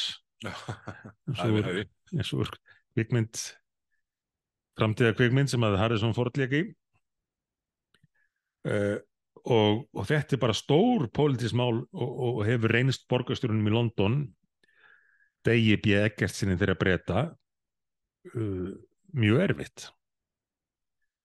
En hér hér vilja menn bara að kerfið haldi áfram að sinni braut. Og svo er nú fleira sem tengist þessu að, að kerfið haldi á, áfram að sinni braut. Eins og tilurinn til þess að rekja flugvöllin burt úr Vasmýrinni sem að flestir eða allir sem hafa kynnt sér málið hafa mátt vita í 20 ár að þetta væri planið. En núna í fyrsta lagi búið að byggja hann mikla byggð við, við flugullin og, og svo kvartar borgin yfir því að, að íbúarnir sem að, að byggt fyrir við flugullin verði fyrir miklu ónaði en einnig núna áformum um að uh, fella tré eða lækka þau í öskuliðinni vegna flugullinnes og þetta leiti hugan að því að nú er einmitt verið að fella mjög mörg tré í Skotlandi. Eh, Þar stendur til að höggva 16 miljónir trjáa 16 miljónir? Já, til hvers? Nú fyrir lofslæðið, fyrir umhverfið, til að reysa vindmjölugarða. Nei, nei, ekki segja það. það var, slátra 16 miljónum trjáa sem hafa verið að binda kólumni til að reysa vindmjölur. Þá þannig bara að taka af þér skoska miðla svo þú sért ekki að deprimmera mann með þessu. Það er, það er engum manni holdt að fylgjast með skoskum stjórnmálum. En, en þjóðvirar eru hins vegar núna að fella vindmjölur. Sá það í fréttum í vikunni. Það er verið að taka niður vindmjölugarða til hvers? Til að opna kólanámur. Það skortir orku. Lofslagsmálin. Já, þeir eru búin að loka öllum kjarnorkuverunum. Er, eru er það því? eru þjóðverðarnir líka byrjaðar að hlæja okkur? Já, það mætti halda það. Að því En- nóg er af öðrum, sko. Já, já. En þeir, þeir eru lendir í vanda. Ákvaða að loka kjarnorkuverunum sínum og, og hafa þurft að auka kólanótkun. Þannig að nú eru þeir að, að fella vindmilur til að geta að fara að grafa eftir kólum. En svona er það þegar að þegar bara kerfið heldur áfram að sinni braut að þess að stjórnmálamenn hugsi til langs tíma eða séu með neina framtíða sín. Þetta er, þetta er hérna, ég, ég held að við þurfum nú aðeins að svona reyna að sko svona greina þessar uh, vindmjöluæfingar þegar, þegar svona, þingveturinn er komin að stað. Það er svo margt sem að manni finnst einhvern veginn uh, stangast á innan, innan uh, hérna uh, vindmjölukirkjunar að hérna að, uh, að já, við þurfum að einsetja okkur að við þurfum eiginlega að gera sér þáttum þetta einhvern tíman, það sem við erum búin að tósa, tósa saman og svona setja í samingi þau gögg sem við höfum. Já, tilmyndið þess. Heyrðu, við skulum færa okkur úr, úr borgarlínunu og samgöngusáttmálanum og með þessu svona við, uh, hérna, viðbótar hérna, uh, göngutúr yfir í, yfir í, yfir í hérna, trjálundina og, og, og, hérna, og vindmjölunar. Mm -hmm. Það hérna, var haldið húsnæðisting núna uh, í gær. N1, Mikið gaman, mikið grín. mikið nýtt glæru sjó og, og ný markmið og nýjar áallanir. Sko, kunna menn ekki að skamma sín. Staðan er svo núna að það voru undirritaðir hér rammasamningar við sveitafjölög í fyrra Mm sem geng út á það að byggja 35.000 íbúður á 10 árum. Já, 4.000 íbúður á ári fyrstu 5 árin og síðan sem sagt rest á, á 5 árum þar á eftir. og aldeilis glærusýningar og, og blaðmannafundir. Já, mikið að snittum. Já. Herðu, fyrsta árið er í ár, 2023. Það átt Mm. að byggja 4.000 íbúðir. Mhm. Það verður gott ef að menn ná 2.000. Já, Og, og sko framleyslan fer sko einmitt. samkvæmt öllum tölum sem liggja fyrir. Og nú þrammar Sigur Ringi Jóhansson upp á þessu uh, húsnæðistingi gær og segir, já, þetta er ástandið er svo alvarlegt, ég ætla sko fjölga leigu íbúðum um helming Mm sem verða, verður bætt við. Trúir þessu einhver í dag? Bara einhver? Trúir HMS fólki þessu? Sko, hann ætlar að tvöfalda þetta uh, á næstu 15 árum. Eða ekki? Uh, hann ætlar að, ætlar að tvöfalda uppbyggingu íbúða á næstu 15 árum. Hann er alltaf að tala um sko, hvað er að gerast á næstu áratugum. Hann verður löngu hættur í pólitík þá. Já, já, Er þetta bara eins og með jargöngin það er einhver aðra að gera þetta? já, já, þetta er nákvæmlega sami hluturinn. Uh, en, en það er bara haldið áfram að sömu braut þrátt fyrir þessi lofur sem þú nefndir og áfram um, um allavega fjóruðst íbúðir núna sem að verða 2000 og ábendingar samtakaðina er eins um 67% samdrátt í nýbyggingum. Það var bara haldni fleiri fundir og tímabili lengt. Herðu, vitið hvað? Ég ætla hérna árið 2050 að byggja svo og svo margar íbúðir. Nei, Þetta er náttúrulega ekki hægt. Já, já, nei, þetta er ekki hægt, þetta er fráleitt alveg. Algjörlega fráleitt. En þetta er einhvern veginn það sem er, bóðið upp á sem lausn í uh, þeirri alvarlegu stöðu sem húsnæðismálin er í núna. Já, Ég, og ég er þeirra skoðunar að, að uh, ef að menn telja ástandið á húsnæðismarkaði erfitt í dag, þá verður það miklu verra eftir 12 til 18 mánuði. já, já, það stefnir allt í það.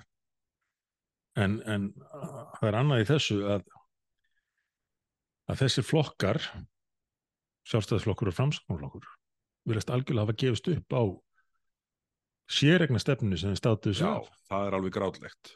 Ég held að sko almenning, bara þessi venjulegi Íslendingur, hann vill eiga sitt þak yfir höfuðið. Þe- þe- Þessir flokkar töldu sér það til tekna hversu mikill árangur hefði náðst á Íslandi í samanbyrðu önnulönd að gefa fólki tækifæri til að eignast eigið húsnæði og það var kallað séregna stefna sem einhver, einhverjum kannski kann nú til dags að þykja neikvægt orð, En séregn En meðan sko hugtökin í íslenskri pólitík þýttu ennþá það sem þau já, já, ja, það í þá það sem daga. þýddu, sko. einmitt Mm. en það er líklega liðin tíð uh, núna er bara unnið með borginni borgar meiri hlutanum að því að hverfa frá þess, þessari stefnu mjög markvist og það gera sjálfstæðisflokkur og framsóknarflokkur.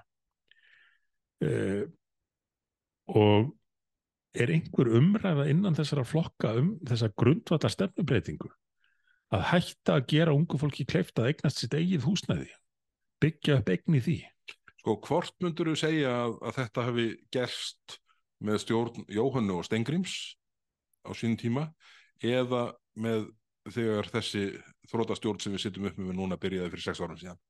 ég sko, vinstri stjórnin 9 til 13 þetta hafði áhuga á þessu að nota tækifærið hún vildi nota tækifærið sem hún áleit sögulegt nota það á margan hátt til að endur skapa samfélagið en eh, en hinnar, hinnar raunverulega aðgerðir sem að miða að þessu að hverfa frá stefnunni sem hér ríkti áratugum saman um að gera fólki kleft að eignast e- eigið húsnæði það hefði gerst í tíð þessari ríkistjórnar undir leiðsögn meiri hlutans í Reykjavík Já, já. uh, Dagur Bjekesson virðist stundum hafa bara sumar á þeirra ríkistjórnarinnar í hendi sér eins og strengjabrúðu hvort sem það er flugvöllurinn landsbytala málið, þjetting byggðar málun, borgarlínan eða húsnæðismálun það er, það er bara átakanlegt að horfa upp á þetta. En vekur undrun mína að, að viðbröðin innan þessara flokka skul ekki vera meiri en rumbið vitni. Já, það er nú, það er nú málið, sko. Þetta er hérna, þetta er alveg uh, ótrúlega staða sem að hefur teknast upp í þessum efnum. En uh, húsnæðismálin, þau verða hér til umræðu í gegnum veturinn er ég hrættur um því að ég er eiginlega alveg viss um því miður að staðan á bara eftir að súrna eftir því sem, sem hérna mánuðinni líða. Og, og, og, og einhvern veginn trúverðuleikin er líka farin já, já, þegar sko verktakarnir fá ekki lóðir fjármögnun er jafn snúin og raunin er núna. Með vakstakostnaður eins hár og, og, og hann er þá, þá, þá verður þetta allt saman allt saman uh, mjög einhvern veginn umhendis.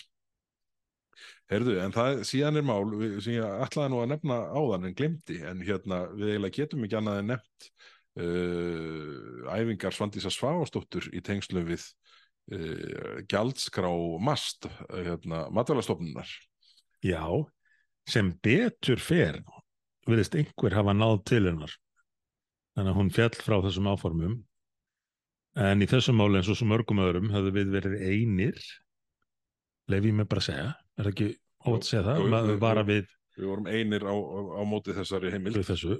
Og, og þetta hefði náttúrulega komið ríkala út fyrir bændur eins og við bentum á. En hún hefur ekki ekki lagt í að að klára þetta mál sem betur fyrir á, á sama tíma hún var í, í, í, í kvalamálunu En þetta var, uh, þetta var aðteglivert, þarna kom inn mál það sem að sko var bara blasti við úr umsögnum frá hérna uh, samtöngum fyrirtækja í hérna í, í landbúnaði uh, frá bændasamtökunum að sko það vantaði alla greiningu.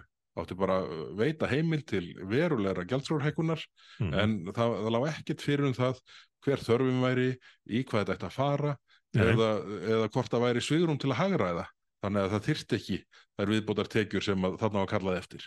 Einmitt, svo allt í hennu bara kemur gjaldskráin og menn sjá alltaf 800%, 800 hækkun já, já, á tilteknum gjaldaliðum. Og, og þetta menn voru alveg ískaldir að keira þetta í gegn.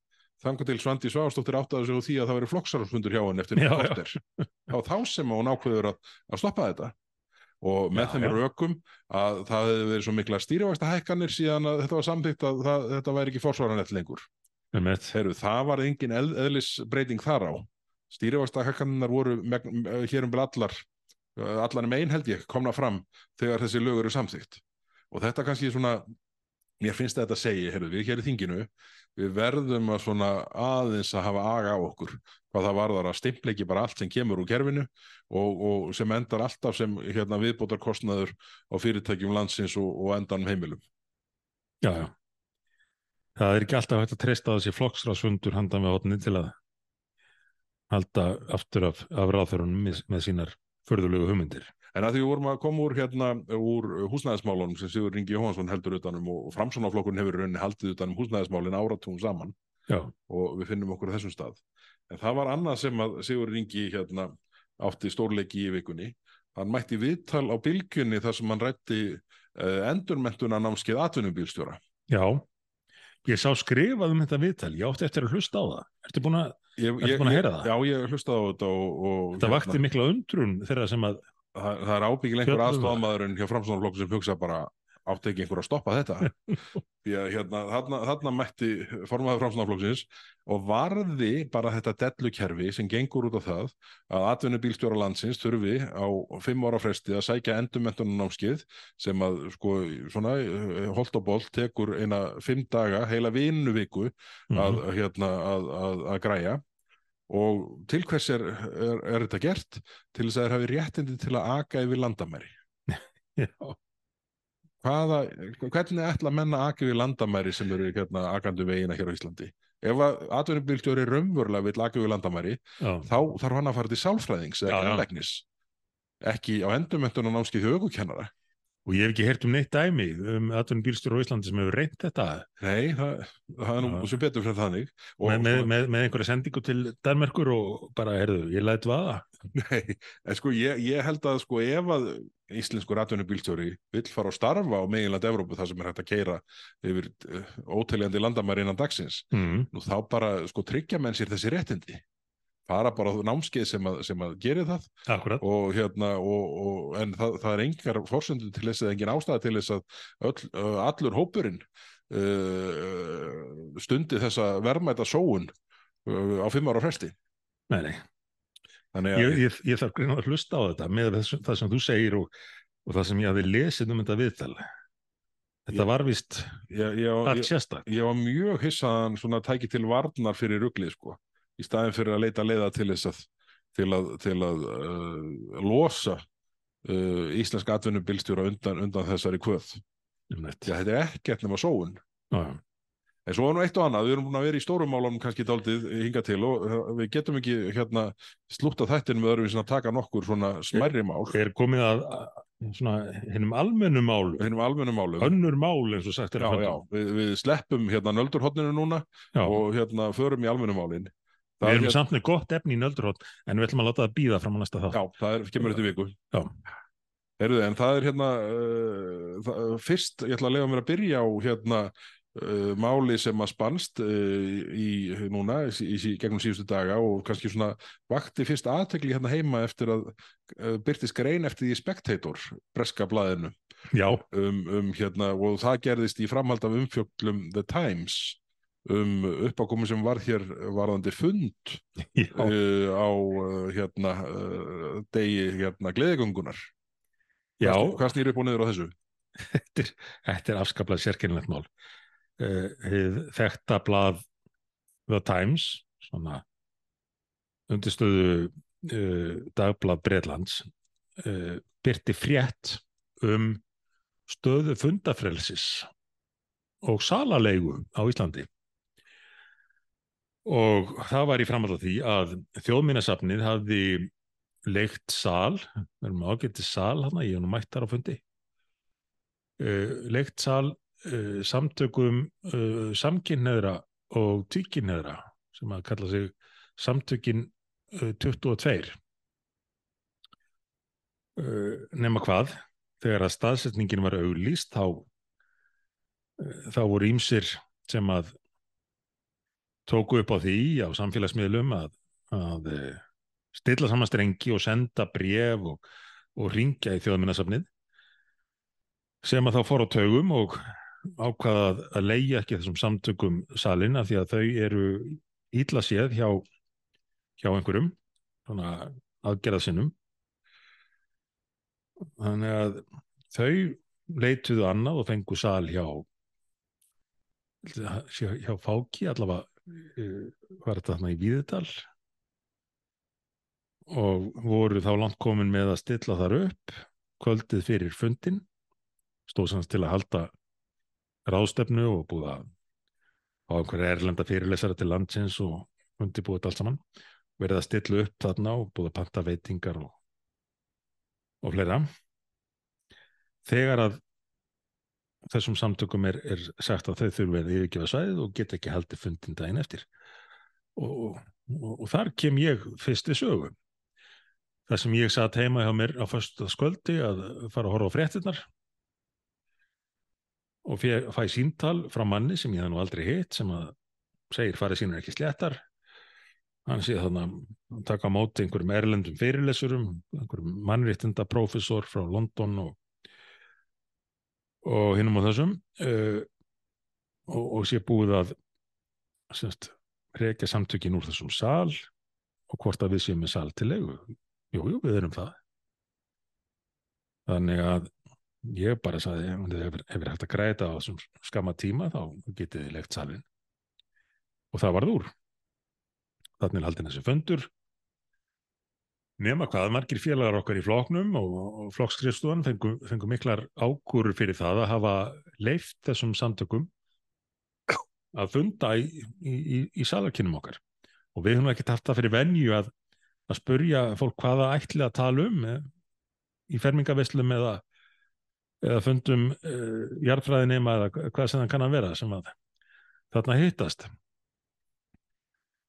En uh, svo byrtist þetta í, í frétt The Times. Ég hafði ekki séð neitt um þetta í íslenskum filmum sem hann kannski segir sína sögu að þetta vakti meiri aðtekli í Breitlandi í breskum filminum heldur en á Íslandi. Mm -hmm. og þá eh, hafaði samband við mig þannig frá Spectator sem ég sá nú að var svo í einhverju íslenskri frétt kallað Íhaldsbladið Spectator. Þetta er nú elsta tímaritt elsta starfandi tímaritt heims og, og eitt að virtast á nú svona frekar. Hvaða íslenska fjölmjölamanni þótti það við hæfið að, að tala spektator niður? Ég manna ekki það, ég sá þetta á vísi held ég. En, en allavega svona hlutinir skóluðist aðeins til í þessum fyrstu fréttum sem að íslenskir fjölmjölar sögðu af málunu en, en spektator já er, er svona ég myndi segja ef það aðhyllist einhverja stefnu er það, það klassist frjálslindi og opin umræða og lík svona með. Þeir báðum að skrifa grein til að útskýra hvað verður að gerast á Íslandi uh, með það að, að menn hefði ekki frelsi til að funda. Ég skrifa þessa grein, svo byrtast þessar frettir hér og ég bara, ég vissi ekki hvað ég var lendur. Ég meina, þú þekki mig maður er bara í, í þessum bransa til þess að reyna svona að koma einhverju viti fyrir menn í, í efnaðasmálum og húsnæðismálum og fleiru. En allt í hennu var ég lendur þannig í, í þessum átökum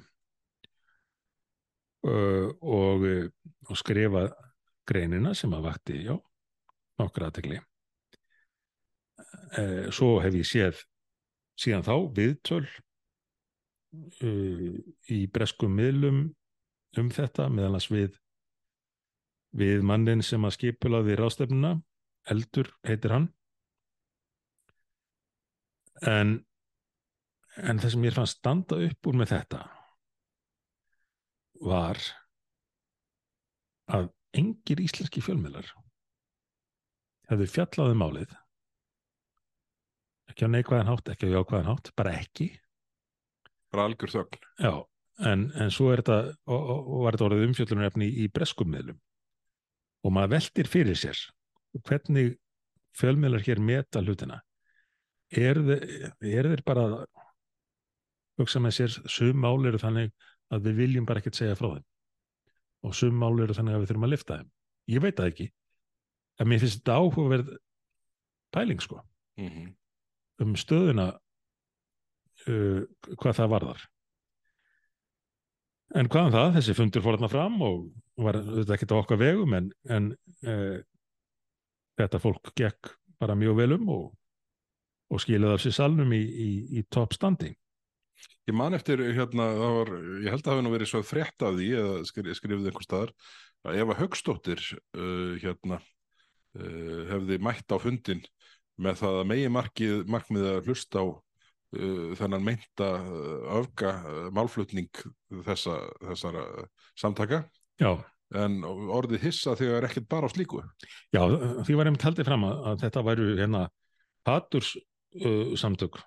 Og ef, eftir þennan atbyrð allan og þá spurði ég nú út í það hvaða haturs umræða er þetta?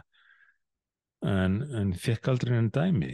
Það er ekki, en ég hef ekki séð og hef nú leitað eftir því eftir þetta kom upp. já, að, hérna, að, að, að, að eitthvað, eitthvað hlitað hérna hafa flotið upp sem að, sem að hérna, undirbyggði þessar Herðu, en við, við skulum færa okkur yfir í hérna, það er áhugavert, Gríklandi hefur hef búið að, hvað, handtaka 160 manns. 160 manns íkveikjur. samkvæmt síðustu frétt. Og þetta er atriði sem við uh, reddum hérna uh, í fyrri þætti, það er þessi skóareldar sem eru náttúrulega búin að vera alveg hræðilegir í Gríklandi og svo, svo núna og, og, og miklu verra og sorgleira á Hawaii Eh, en, en fréttirnar af þessu voru margar þess eðlis að þetta væri spurning um sko, bara, bara skyndilega íkveiknun út af lofslagsbreytingum. En svo komum við á daginn að allavega þannig í Greiklandi hefði þetta verið umfangsmiklar íkveikjur. Og ég held ég hafi í, í fyrir þætti nefnt það að gróður eldar hafi farið mjög minkandi á jörðinni, samkvæmt uh, kögnum frá NASA. En uh, fréttir um gróðurelda af eins og það markvældast og þá komum við aftur að þessu með, með fjölmiðluna eru þeir, eru þeir alltaf að reyna að komast að kjarnamálsins eða eru þeir stundum að, að fyrst og hennst að velja fréttir og segja fréttir sem að henda einhverji ég, hvað ég kalla, ég, ég kann nú ekki við að kalla það áróður, maður vill vera kurtis en einhverju línu.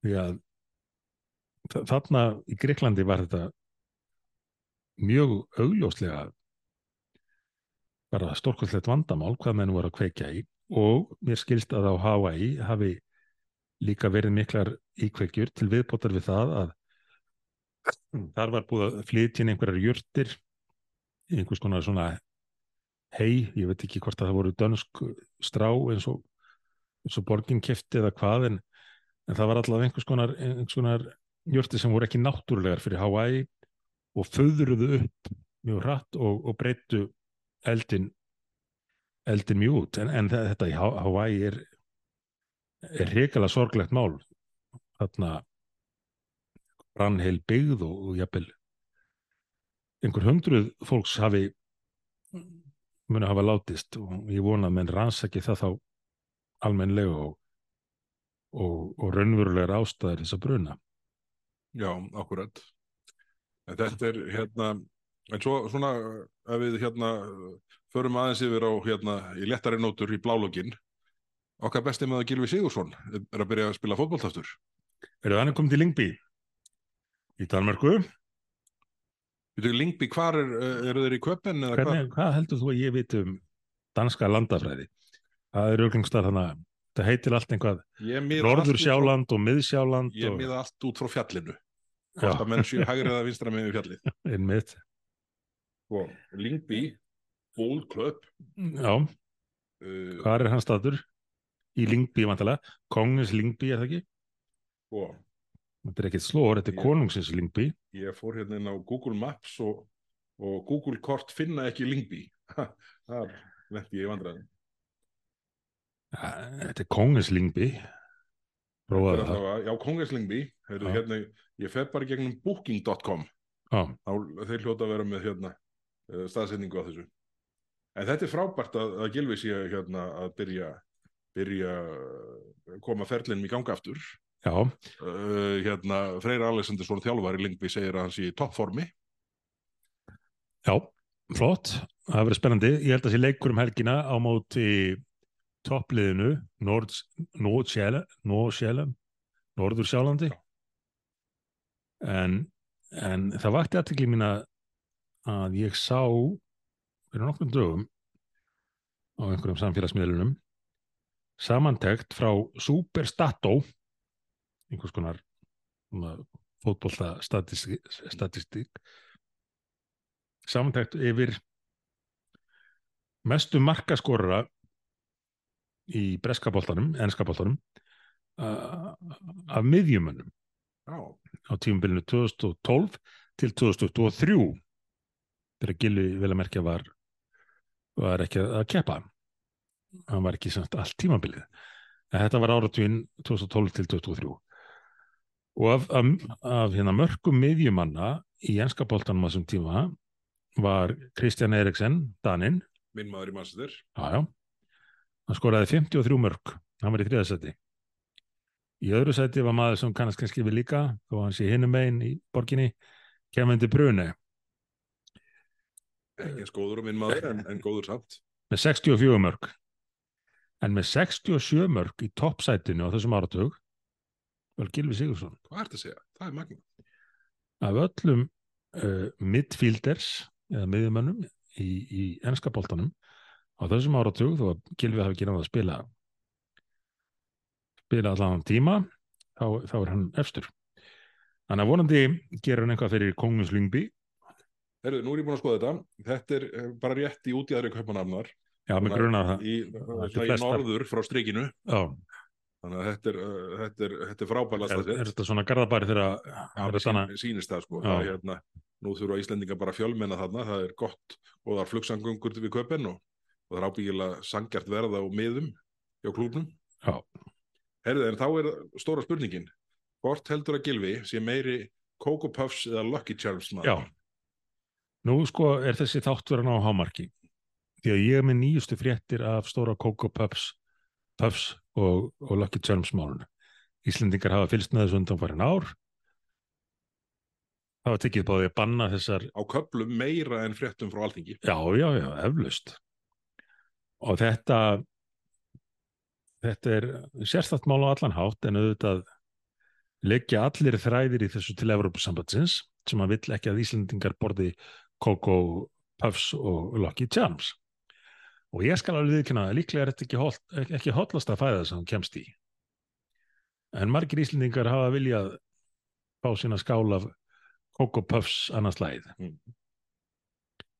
og það urðu tíðind í þessu máli núna nýverið þegar að samkaup tóku að flytja aftur inn Coco Puffs og Lucky Charms uh, og, og rofaði til má segja hjá, hjá þeim Íslendingum sem hafðu saknað. Og mætti bara engin kontoristi með ja, býtu, býtu, býtu nú við sko. Auðvitað. Því að svo byrtist frétt á MBL mér í gær held ég undir fyrirsögni ekki til marks um að hefja mig í sölu og ný. Nei. Jú, ég held á þess að ég ætlaði nú að reyna að hérna gera þetta að einhverju mæjónismáli bara að lesa þessa frétt. Hún er ekkert mjög löng.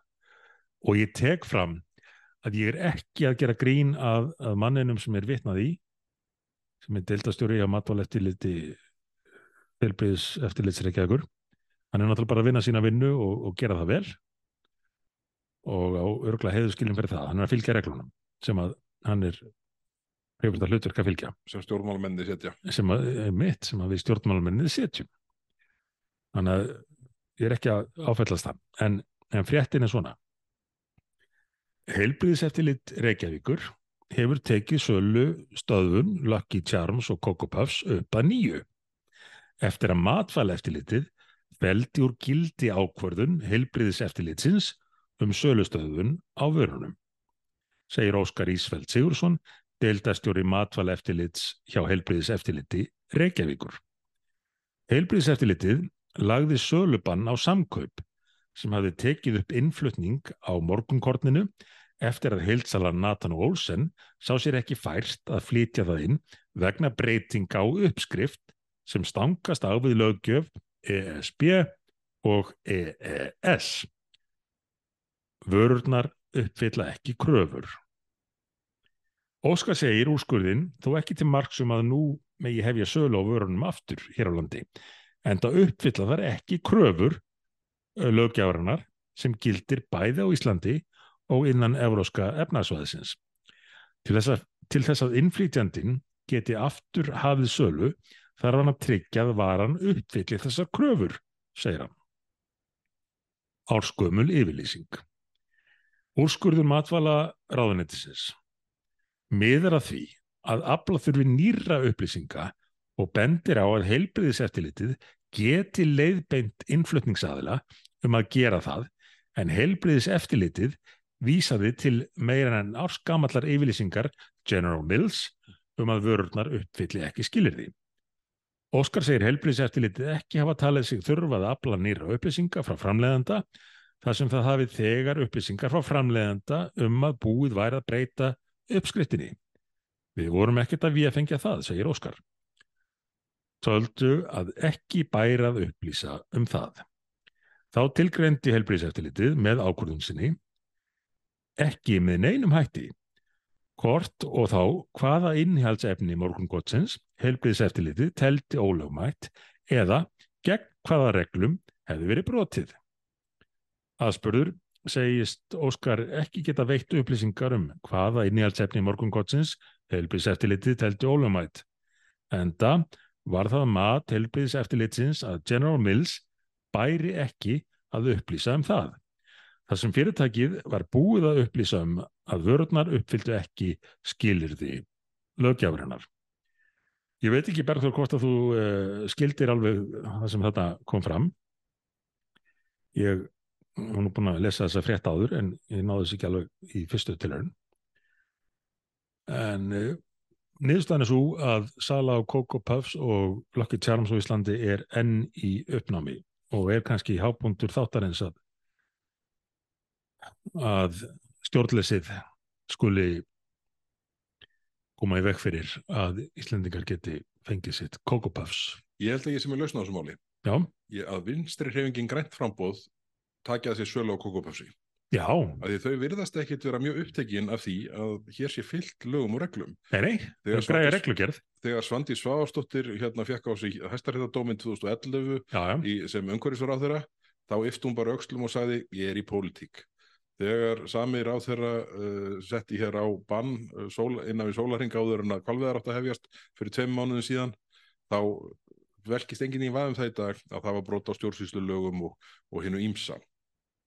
Uh, vinstri græmingin grænt, uh, grænt frambóð gengur fram og segir heyrðu, þetta fólk sem er búið að fá hér, vera hér í sko, árum saman og búið að hafna um, um hæli núna, það þarf ekki að fara eftir reglunum, með þurfa bara að finna leið til að setja félagin borgi, Já. svona kollakolli þannig að ég myndi halda að vinstri grænir getur bara tekið að sér að selja kokoböss og Já. þeim er alveg sama þó þau brjóti reglunar Já, og en þeir vilja líklega ekki að landsmenn borði Puffs. Þar liggur vandin. Nema, kannski ef þeir getur fengið hlutveldi í hagnaðinum. Af því að vinstri, vinstri menn eru oft miklu kapitalistar inn við beinir. hagnaðadrifnir Já. Já, já. Ég, held, ég held að þetta gæti verið lausnin ég, ég er nú ekki vissum að það, við þurfum að finna þann aðila sem getur rætt við Katrínu og, og Svandísi mögulega Guðmundinga en ég meina, hver vill ekki leysa þetta mál? Já. Mm. Við bara skiljum þetta eftir í lausu lofti en með þessari hugmynd að Vafge Bjargi Coco Puffsinu og Lucky Charms og, og kannski styrki flokksjóðin í leðinni. Herðu, nú er kassettan raunverulega búinn. Ég fór og sótti ekstra langa Mm. og er búinn að snúinni við. Nú fyrir við að slá botnin í þetta í kvöld. Já, já, ég var nú reynda með fleiri mál en... Ég veit að ég er náttúrulega sé rununa hérna Já, og við verðum hér fram með miðnætti sko ef, ef ég uh, hérna uh, sle, uh, læt þér lausan töminn. herðu, þú varst búin að vinna þrjáfjóra þætti í röð var komin tíma í, í svona viku að, að Þessi taka- vika var reyndar alveg rosaleg sko. Það bara, bara leið ekki svo dagur og við erum bara á 50 degin þá sko. Já, já. Bara hvað gerist á morgun? við getum þurft að byrja sko þátt næstu viku á bara hérna því að uh, svona skamma sjálf okkur fyrir að hafa ekki dreigið upptökuna um eitt sólarring, hvað veit maður Já, og hérna þannig að og, og, og bara því við opnuðum nú aðeins á kastljósið með við tókum hérna upp þar sem þau voru að takast á Vilhelmur Átnason og Arndís Anna uh, um kvalviðarnar þar uh, heyrðu við uh, nokkra setningar sem að benda til þess að, að sá slagur sé rétt að byrja. Já, já, og, hérna, og, og allt undirbyggir það, það, það mat okkar að, að, að matvalara þeirra Svandi Svavastóttir, það kvarl ekki að henni að gefa síðan út áframhaldir leifi þegar, þegar nú er þetta leifi rennur út af þessari vertíð uh, lokinni. akkurat. Heyrið kæru áhörendur, þetta búið að vera gaman í kvöld. Þetta var svo kallaður ofurþáttur. Það bara var ekki hægt að skera niður í hefðbundar lengt, það var svo margt spóður í gangi. En ég vona að það hefði haft gaman af og, og hérna eflust hafa einhverju þurft að splitta upp hlustunni hérna á milli bílferða, á milli vinnu og heimilis eða hvernig sem menn kjósa, kjósa og hlusta á þetta. En við höfum haft mjög gaman að þessu hérna í stúdíónu og lofum ykkur stút fullum þætti af vikuleginni. Engin hætt á öðru. Takk fyrir. Takk fyrir kvöld, bless bless.